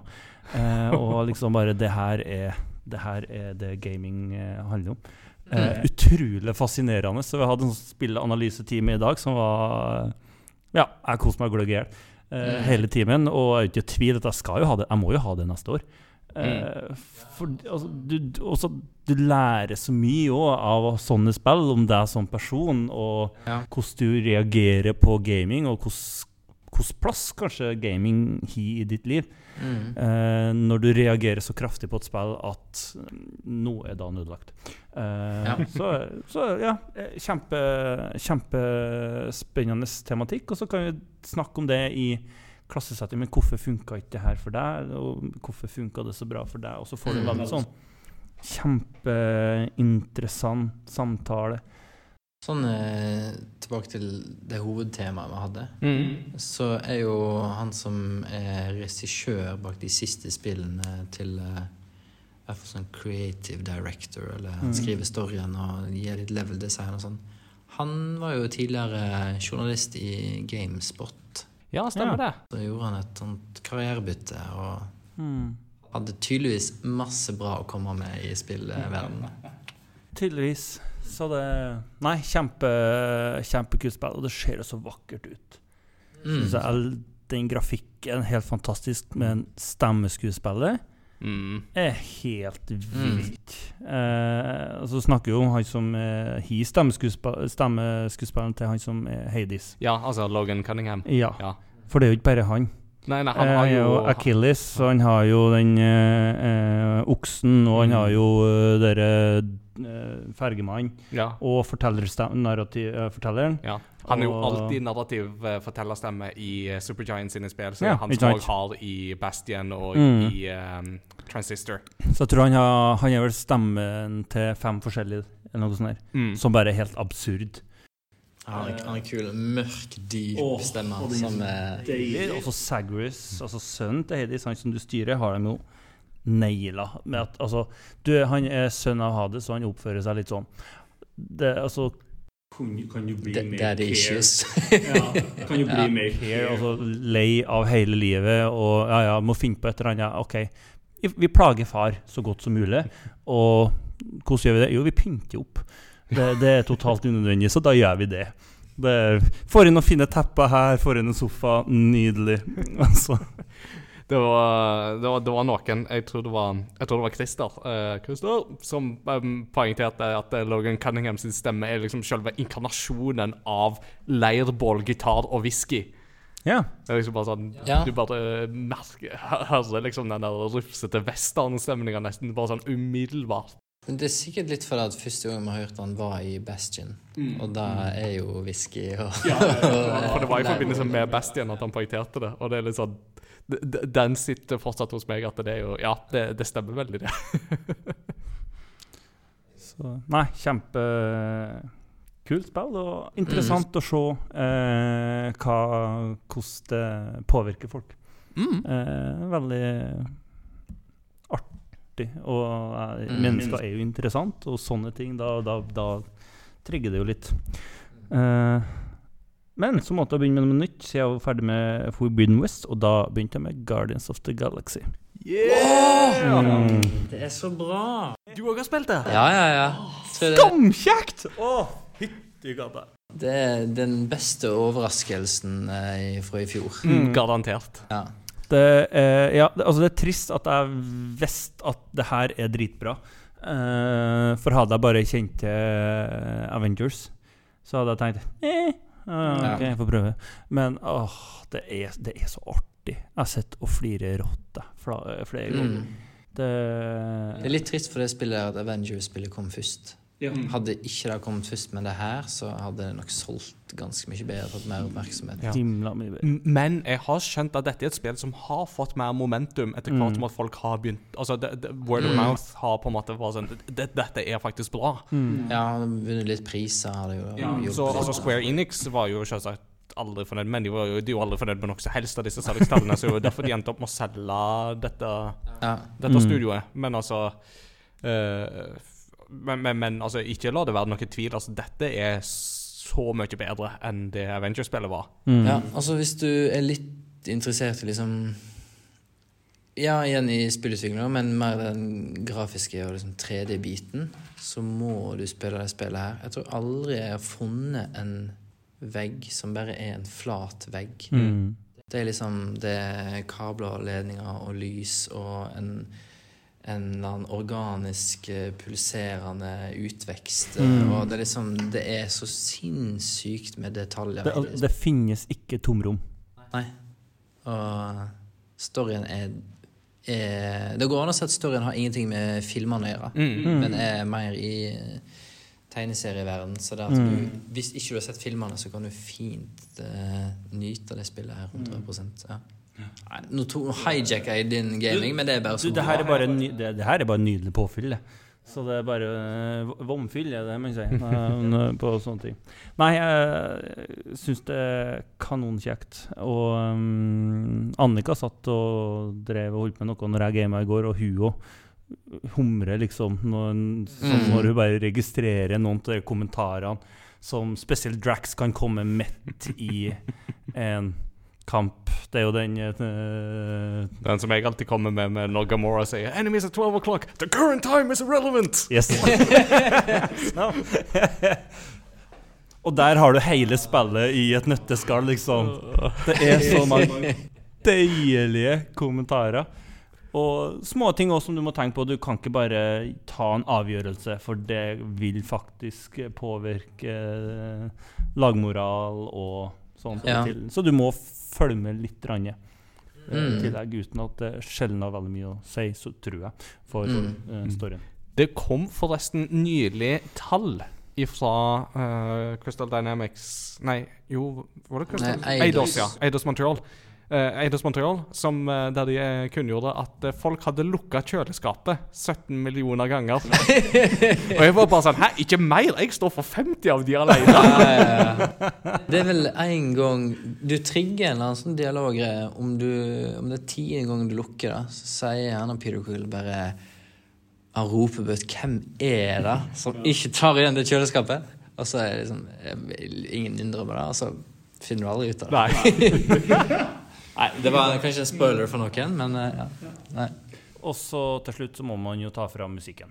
Ja, ja, ja. Altså, Guardians Ja. Galaxy er legende når det kommer til musikk. Har du, har du runda det? Guardians? Ja. Nei, altså, jeg begynte jo i helga. Du begynte i helga. Ja, ja. Så Det er, det er en låt jeg ikke skal røpe. Som, eh, som da eh, Nei, så det Og det, det er Altså, det er jo at de har ordna en egen eh, Et eget band som heter Starlord. ja. Og det albumet er så bra! Det er dritrått. Vet du hvem som synger i det bandet? Nei. Det er, det er liksom eh, audio-directoren på spillet. Det er det, ja. Som har et metal-band. Og så lurte de på om de skulle ha metal-musikk i spillet, og så bare rett etter de har sagt det på et møte, så bare setter han på en låt, og det er bare ja, Kult band. Hva Er det vanskelig å få lisensiert i her? Nei, nei, nei. Gratis. «Å, Kult. Hvem er det som synger? Og så bare Nei, det er mitt band. og det er bare perfect fit. Men altså, det, det albumet der har gått ganske mange ganger på Spotify-en min. Altså, det er så rått. det, jeg har jo lyst til å spille det igjen. Ja. Pluss at du har jo alt av det deiligste fra eh, det forrige årtusen, skal vi si. Fra mm, 60-, 70-, 80-tallet. 80 ja. 80-tallet spesielt. det Med, altså det å kunne spille et spill og høre uh, 'Take On Me'. Ja, for når du sa musikk i stad, Mm. og jeg eh, skulle røpe en låt, var det da jeg tenkte på. Uh, når du får trigga disse 80s-hitsene. Yeah. Uh, huddle moment Mm. Ja. Guys, huddle Og det er, det er et internett-moment der som kommer seinere, som Ja. Ja, I will say no more. Men det- Gleder meg. Nå, nå er jeg så gira at jeg slenger Jeg, kopper jeg, rundt. jeg, jeg vil si at det fortsatt det beste huddle-øyeblikket jeg har hatt, uh, var altså for at Det er jo ganske tilfeldig hva musikk som begynner å bli spilt etter at du har fått til en sånn successful huddle. For jeg i hvert fall inntrykk Ja. av. Og min favoritt var jo da jeg hadde en sånn Alle ble liksom skikkelig hypa på sånn Yeah, kom igjen! Og så kommer Never Gonna Give You Up. Det var den jeg tenkte på, men jeg, jeg trodde kanskje den var eh, på et spesifikt punkt senere. Men uh, Den, den er ikke, den er ikke det er nydelig når du hopper rundt i slow motion, skyter fienden og så bare There's no easy way Nei, det Altså, med andre ord, kjære lyttere, få det på. Yes, Ja. Veldig bra. All right. Vi har jo gått i det videre brede, så jeg skal ikke bruke veldig lang tid her nå. Um, jeg har uh, spilt ferdig Super Mario RPG sammen med Retrospellauget. Ja. Uh, så vi kommer med en liten egen episode om det. Og det tror jeg nok kanskje blir første gangen vi har spilt noe i Retrospellauget der de fleste vil si at uh, er dette verdt å gå tilbake til, og at det er sånn Nei, kanskje ikke.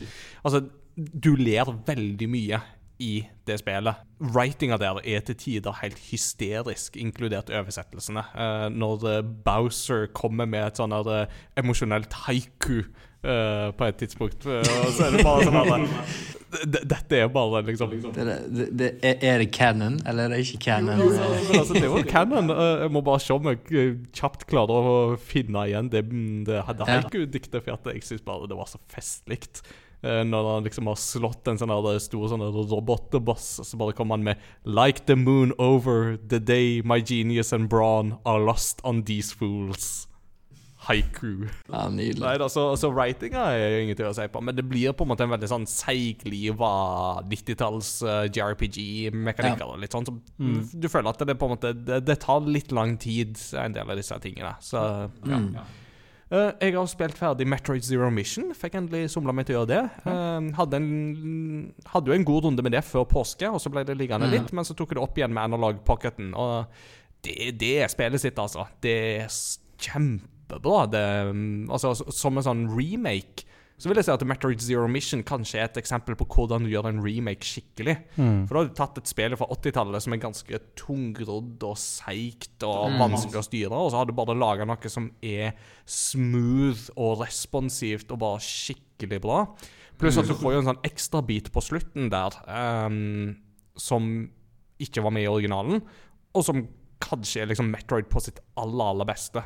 For da har du sånn skikkelig sånn at Da må du begynne å snike. Da har du liksom ingenting av våpen og må snike rundt omkring. Og da er det sånn space suspense horror, nesten. Med at hvis de ser Ja. det, rompiratene ser deg, så kommer de etter deg og tar deg. Og sånn, ah!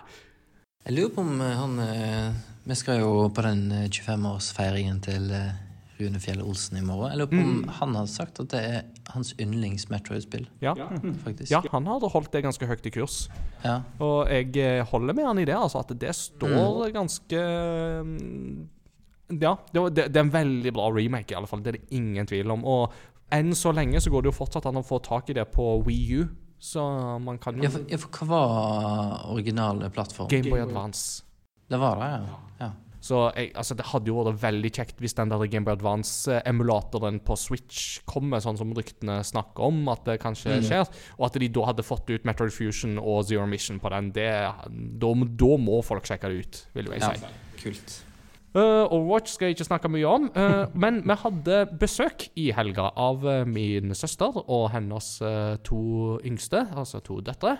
Um, og hun yngste jenta der uh, Altså De kom fordi de skulle se Mamma Mia. I pausen så var det hun yngste som lurte på Jeg lurer på hvor mange Switch-spill de har. så selv Mamma Mia kunne ikke ta oppmerksomheten vekk fra at det var spillene hos onkel Ingard og tante Anja som uh, sto høyt i kurs. Så hele søndagen og mandag formiddag så satt hun og spilte Kirby and the Forgotten Land. Og hun kom seg gjennom nesten hele spillet. altså Det var imponerende. Så da satt jeg og var imponert i gamingonkel og tenkte at her, her har vi gjort noe riktig. Pluss at eh, det som står høyest i kurs, det er Animal Crossing. Alt som har med Animal Crossing å gjøre, det er liksom toppers.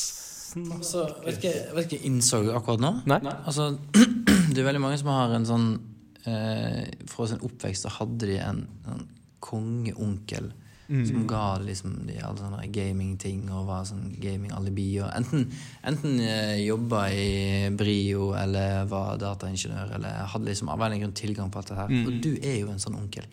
Skjønte jeg nå? Ja. Jeg har alltid ville vært den onkelen. Kult. Det, det er en viktig jobb. En viktig jobb som jeg tar med glede. Ja. Men så spilte vi litt Nintendo Switch Sports med de. Uh, det syns jeg fortsatt er et veldig underholdende partyspill, absolutt. Um, så det kan varmt anbefales for de som vil sjekke det ut. Og så var jeg jo på LAN med Peter, og da var det litt sånn forskjellig som ble fyrt opp eh, litt sånn i det små og det store. Jeg spilte litt Streets of Rage 4 igjen for å bare varme opp litt. Det var veldig gøy. Uh, og mens jeg spilte det, så var det noen som var bare sånn Å, det så litt kult ut. Og så var jeg bare sånn Ja, og så har du jo et nytt spill som har liksom også litt sånn brawler, som er kommet ganske nylig, som heter Sifu. Har du spilt det? Nei, nei, nei. Så da fyrte jeg opp litt Sifu og testa det litt igjen. Og det var det var litt flaut hvor mye jeg hadde glemt av kontrollsystemet på bare to måneder. liksom. Så var det sånn. ja, og det er jo vanskelig spill i tillegg. Det er et vanskelig spill, men det er gøy, altså. Åh, det er fortsatt så kult. Um, jeg fyrte opp litt eh, Civilization 6 uh, mens jeg hørte på podkast. Det er Ja. sånn kosespill. Og så av alle ting så fyrte jeg opp igjen Fall Guys lite grann. Og der er det skjedd mye siden sist. Ja, mange nye baner, og de holder på, altså. Nå skal jo de gå free to play, forsto jeg, eh, neste måned. Uh, Ja. Så det, da kan jo enda flere folk sjekke det ut. Mm. Uh, fortsatt veldig moro, og de der bønnemennene De fortsetter å underholde meg så til de grader. De, som, de, de står på, de mister aldri motet. De alltid bare woo, woo. Uh, Det er sånn det skal være, altså. Og så er det fortsatt litt kjøring i Forza Horizon 5. Eh, det er liksom litt sånn slapp off-spillet mitt akkurat nå. Mm. Og, men jeg kjenner at jeg begynner å bli litt matt nå. Det, det blir for mye party i det spillet. Mm. Ja, det er vel litt sånn eh, Hvis ikke du eh, det, det, det virker som et spill som krever at du er veldig gira når du spiller det, kanskje? Ja. Det krever Nå skal du ha masse energi. Mm. For at nå er, det, nå er du i Mexico, her er det party Ja, ja. hele tida! Ja. Mens Gran Turismo er litt mer eh, Der kan du være litt mer trøtt og ta en eh, runde på banen, kanskje. Så det, det er jo litt an, jeg, jeg vil på en måte gjøre meg ferdig med Forsa nå, før jeg da går i gang med Gran Turismo. Det er liksom Ja. litt slag i planen her, da. Ja. Så mistenker jeg at det kanskje Gran Turismo 7 vil falle mer i smak hos meg, men det gjenstår å se. Vi får se når mm. sommeren er ved veis ende. Da har jeg sikkert fått spilt litt der.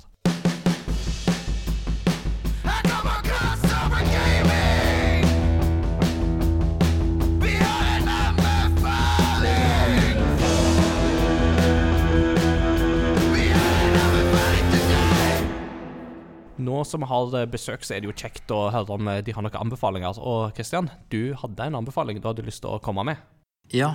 Um, det er jo uh, en av uh, de beste TV-seriene jeg har sett uh, de siste årene, faktisk. Som heter Severance. Som enkelte kanskje har hørt om før. Kan du starte med at du, du må ha Apple TV pluss, da. Men uh, hear me out. Hear me out. Du trenger ikke en, en Apple device. Men eh, settingen er at um, du følger en kar som uh, er på jobb. Har en litt sånn særjobb, og du skjønner liksom ikke helt hva han jobber med. Og så Det her er jo midt i episode én, så er det ikke noe spoiler. Men når han går inn i heisen for å takke for seg og skal gå hjem fra jobb, så ser du bare følger kameraene i heisen, og så plutselig så ser du at ansiktsuttrykket hans endrer seg fra å være veldig sånn energisk og blid til bare. Så bare synker han sammen, og det er nesten så det kommer ringer under øynene av seg sjøl. Og så er det bare hæ? Og så går han hjem, og så ser han på TV, og så går han tilbake på jobb dagen etterpå, og så bare zup, så skjer det motsatte, da. Så han liksom bare plang, så han blir klar for jobb igjen. Så skjønner du at at um, de er tydeligvis på en arbeidsplass hvor det de jobber med på jobb, er såpass classified at de har severed uh, personlighet, altså et eller annet i hjernen, sånn at de har en haug med minner og en personlighet som våkner til liv i det du kommer på jobb. Og, en, eh, og det motsatte når du går hjem. Så den personen som er bevisst hjemme, har ikke peiling på hva som skjer på jobb, eller omvendt. Så den som sitter på jobb og jobber dag ut og dag inn, har ikke peiling på om har jeg familie, har jeg venner, har jeg barn. Eh, og alt handler bare om jobb, da. Og så er det en serie som tar for seg ok, hva, gjør det i lengden med psyken til et menneske hvis du plutselig eh, Hvis plutselig vaktene gjør en feil på jobb, og du får plutselig med deg inn bare en handleliste, da. Ifra din uteperson, på en måte, inn på jobb.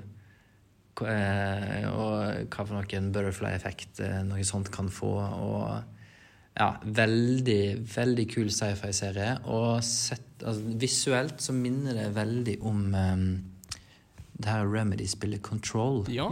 Det har litt den der harde Ja. Så hvis du likte det spillet og litt den feelingen For begge deler er litt sånn sci-fi-thrillere. Så tror jeg den serien her vil falle i, godt i smak. Og regissøren er faktisk eh, godeste Ben Stiller. Hæ?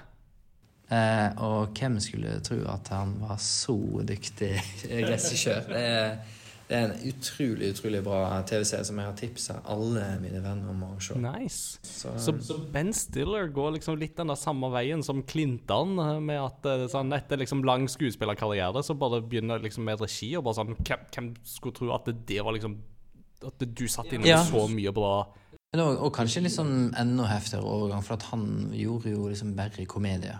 Mm. Og være en funny guy. Og så gir han en seriøs TV-serie som er sykt bra. Og hovedrolle hovedrollepersonen er jo Nå husker jeg ikke helt navnet hans, men eh, han er jo i Parks and Recreation. Å, Han som blir ektemannen til ho hoved... eh, Ja, Adam Scott. Ja, det er kanskje For at det er han som spiller Ben Wyatt.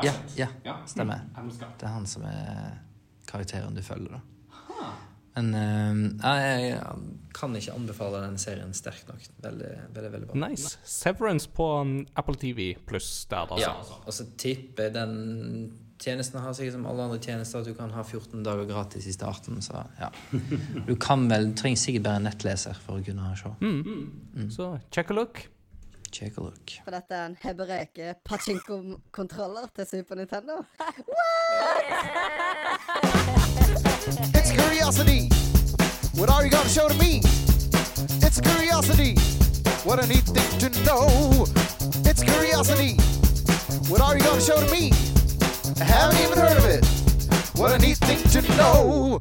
It's a great part of the show. Når uh, vi skal snakke om kuriositet i dag, så tenkte jeg å hente fram en kuriositet som jeg uh, sjøl måtte eh, lære meg da jeg skulle skrive litt om kuriositeter på Game Reactor nå til helga. Eh, for da slo jeg meg litt inn på dette her med internett på konsoller før på en måte det ble, ble standard. Altså den første konsollen som jo på en måte hva skal du si, hadde internett mer eller mindre integrert, det var jo Dreamcast i sin tid. Sega Dreamcast. Og så var det jo på mange måter den første Xbox som kommersialiserte det skikkelig og på en måte etablerte det for fullt. Og så har, nå i dag så er det jo det utenkelig liksom å ha en konsoll uten internettilgang, på en måte. Men det, det som er litt gøy, er jo det at folk eksperimenterte jo litt med dette her med liksom internett og digital distribusjon og sånt allerede før internett var allemannseie. Uh, og de som jo faktisk var litt på hugget der, det var faktisk Sega. Så en ting som jeg jo oppdaget, var det at Dreamcast var ikke den første konsollen til Sega som kunne kobles opp mot nett. Det var faktisk Sega Megadrive. Eh, I alle fall hvis du bodde i Japan og i Brasil. Eh, altså, Brasil kan høres litt random ut, men Brasil har faktisk et veldig stort Sega Megadrive-community. Eller Sega var kjempestort i Brasil veldig, veldig lenge. Eh, så i 3. november 1990 så lanserte Sega en tjeneste som heter Sega Meganet. Eh, Så for å ta den i bruk, så måtte du kjøpe en sånn Sega Mega Modem, så du kobla i sånne nipinsport på baksida av konsollen. Mm. Og for et månedlig beløp så kunne du da benytte den tjenesten for å laste ned spill på en tom kassett som du fikk sammen med det modemet. Og den, det modemet der, det hadde da støtta hastigheter opp til 1200 bit i sekundet. Det var store greier. eh. Så eh, det sier Det var mm, De begrensningene der, og um, internett hadde jo sin pris absolutt på den tida der, så det ble jo aldri Ja. en veldig stor tjeneste. Jeg tror det var snakk om 24 spill som kom til tjenesten faktisk opp gjennom opp gjennom årene. Så, men jeg syns det er litt sånn interessant at allerede i 1990 så prøvde de seg altså eh, på det. Så en fas- fascinerende lite stykke tech. Eh, og som bare var litt sånn Det var sånn man gjorde det med konsoller på den tida. ikke sant? Det var bare sånn, Nei, vi har lyst til å få det der til. Ja, hvordan gjør vi det? Nei, men bare lage en ekstra ting så du plugger inn der, og så bare får det til å funke. Kult. So yeah. Vi kommer til veis ende for dagens episode. Og Kristian, jeg har lyst til Ja. å spille postludiumsballen til deg, jeg. Ja, uh, det her uh, blir jo egentlig en callback til uh, Vi hadde jo en episode for Ja, det blir jo noen år siden nå, da. Hvor vi snakket om spillmusikk. Da var det da var det vel jeg og du og Mats Jakob. Og så hadde vi tre klipp hver, Riktig. Red Dead Redemption. blant annet. eh, og ehm, jeg tror kanskje den spillmusikken Nei, det blir vanskelig å rangere her, men en av de som, stykkene som jeg er mest glad i, og som egentlig traileren til dette spillet her solgte meg egentlig på musikken. Og det skjer ikke så ofte. Men ehm, det er jo da spillet Monument Valley 2 Ja. Og der er det en komponist som heter Todd Baker. Mm. Og hoved... Eh, em, vignetten i dette spillet her, som også er i traileren til spillet, heter Impossible Worlds. Mm. Som er den vi kan spille av nå på slutten her. Nice. Mm. Impossible Worlds fra Todd Baker fra Monument Valley 2, altså. Ja, da har vi ikke så mye mer å by på i denne episoden. Men uh, igjen, Kristian, tusen takk for at eh, du tok deg tid til å gjeste oss igjen. Det Det, var det var en, en sann ære. ja, det, Veldig kos. Veldig kjekt å ha deg innom igjen og catche opp litt og Ja, må ikke bli like lenge til neste gang. Nei, nei, nei, nei, nei, er du gal? Er du gal? Du må bare være flink og frimodig og invitere deg Ja. selv hvis du kjenner på at du, den, den torsdagen, da er jeg ledig, kan jeg komme opp på besøk da? Så finner vi, finner vi ut av det. Will do, sir. Mm. Plutselig så er du tilbake som fast inventar igjen. Det, Ja, altså Who knows? Det spørs. eh, Noe må du jo fylle pappapermen med. Ja, så jeg- for min, vi kan gjerne liksom begynne å ta oppdraget fra klokka 11 til 1 på dagtid. Eh, passer det for deg? Utrolig hva jeg kan få til bare vi tar på rett dag. Ja. You underestimate my power! og i den forbindelse, folkens, eh, og nå er det bare i snakkende stund, så er det bare ei uke til Obi-Wan Kenobi kommer på Disney+. Plus. Det blir så bra. Hello there. Er det, er det da jeg skal si at jeg har General eh, to billetter til Vika kino som viser de to første episodene på fredag? Ja, det er nå jeg sier det. Nå holder du munn. Nå, ok. Men uh, før jeg skal holde munn, så sier jeg bare at uh, vi snakkes ved neste korsvei. Ha det bra! Ha det. Ha det.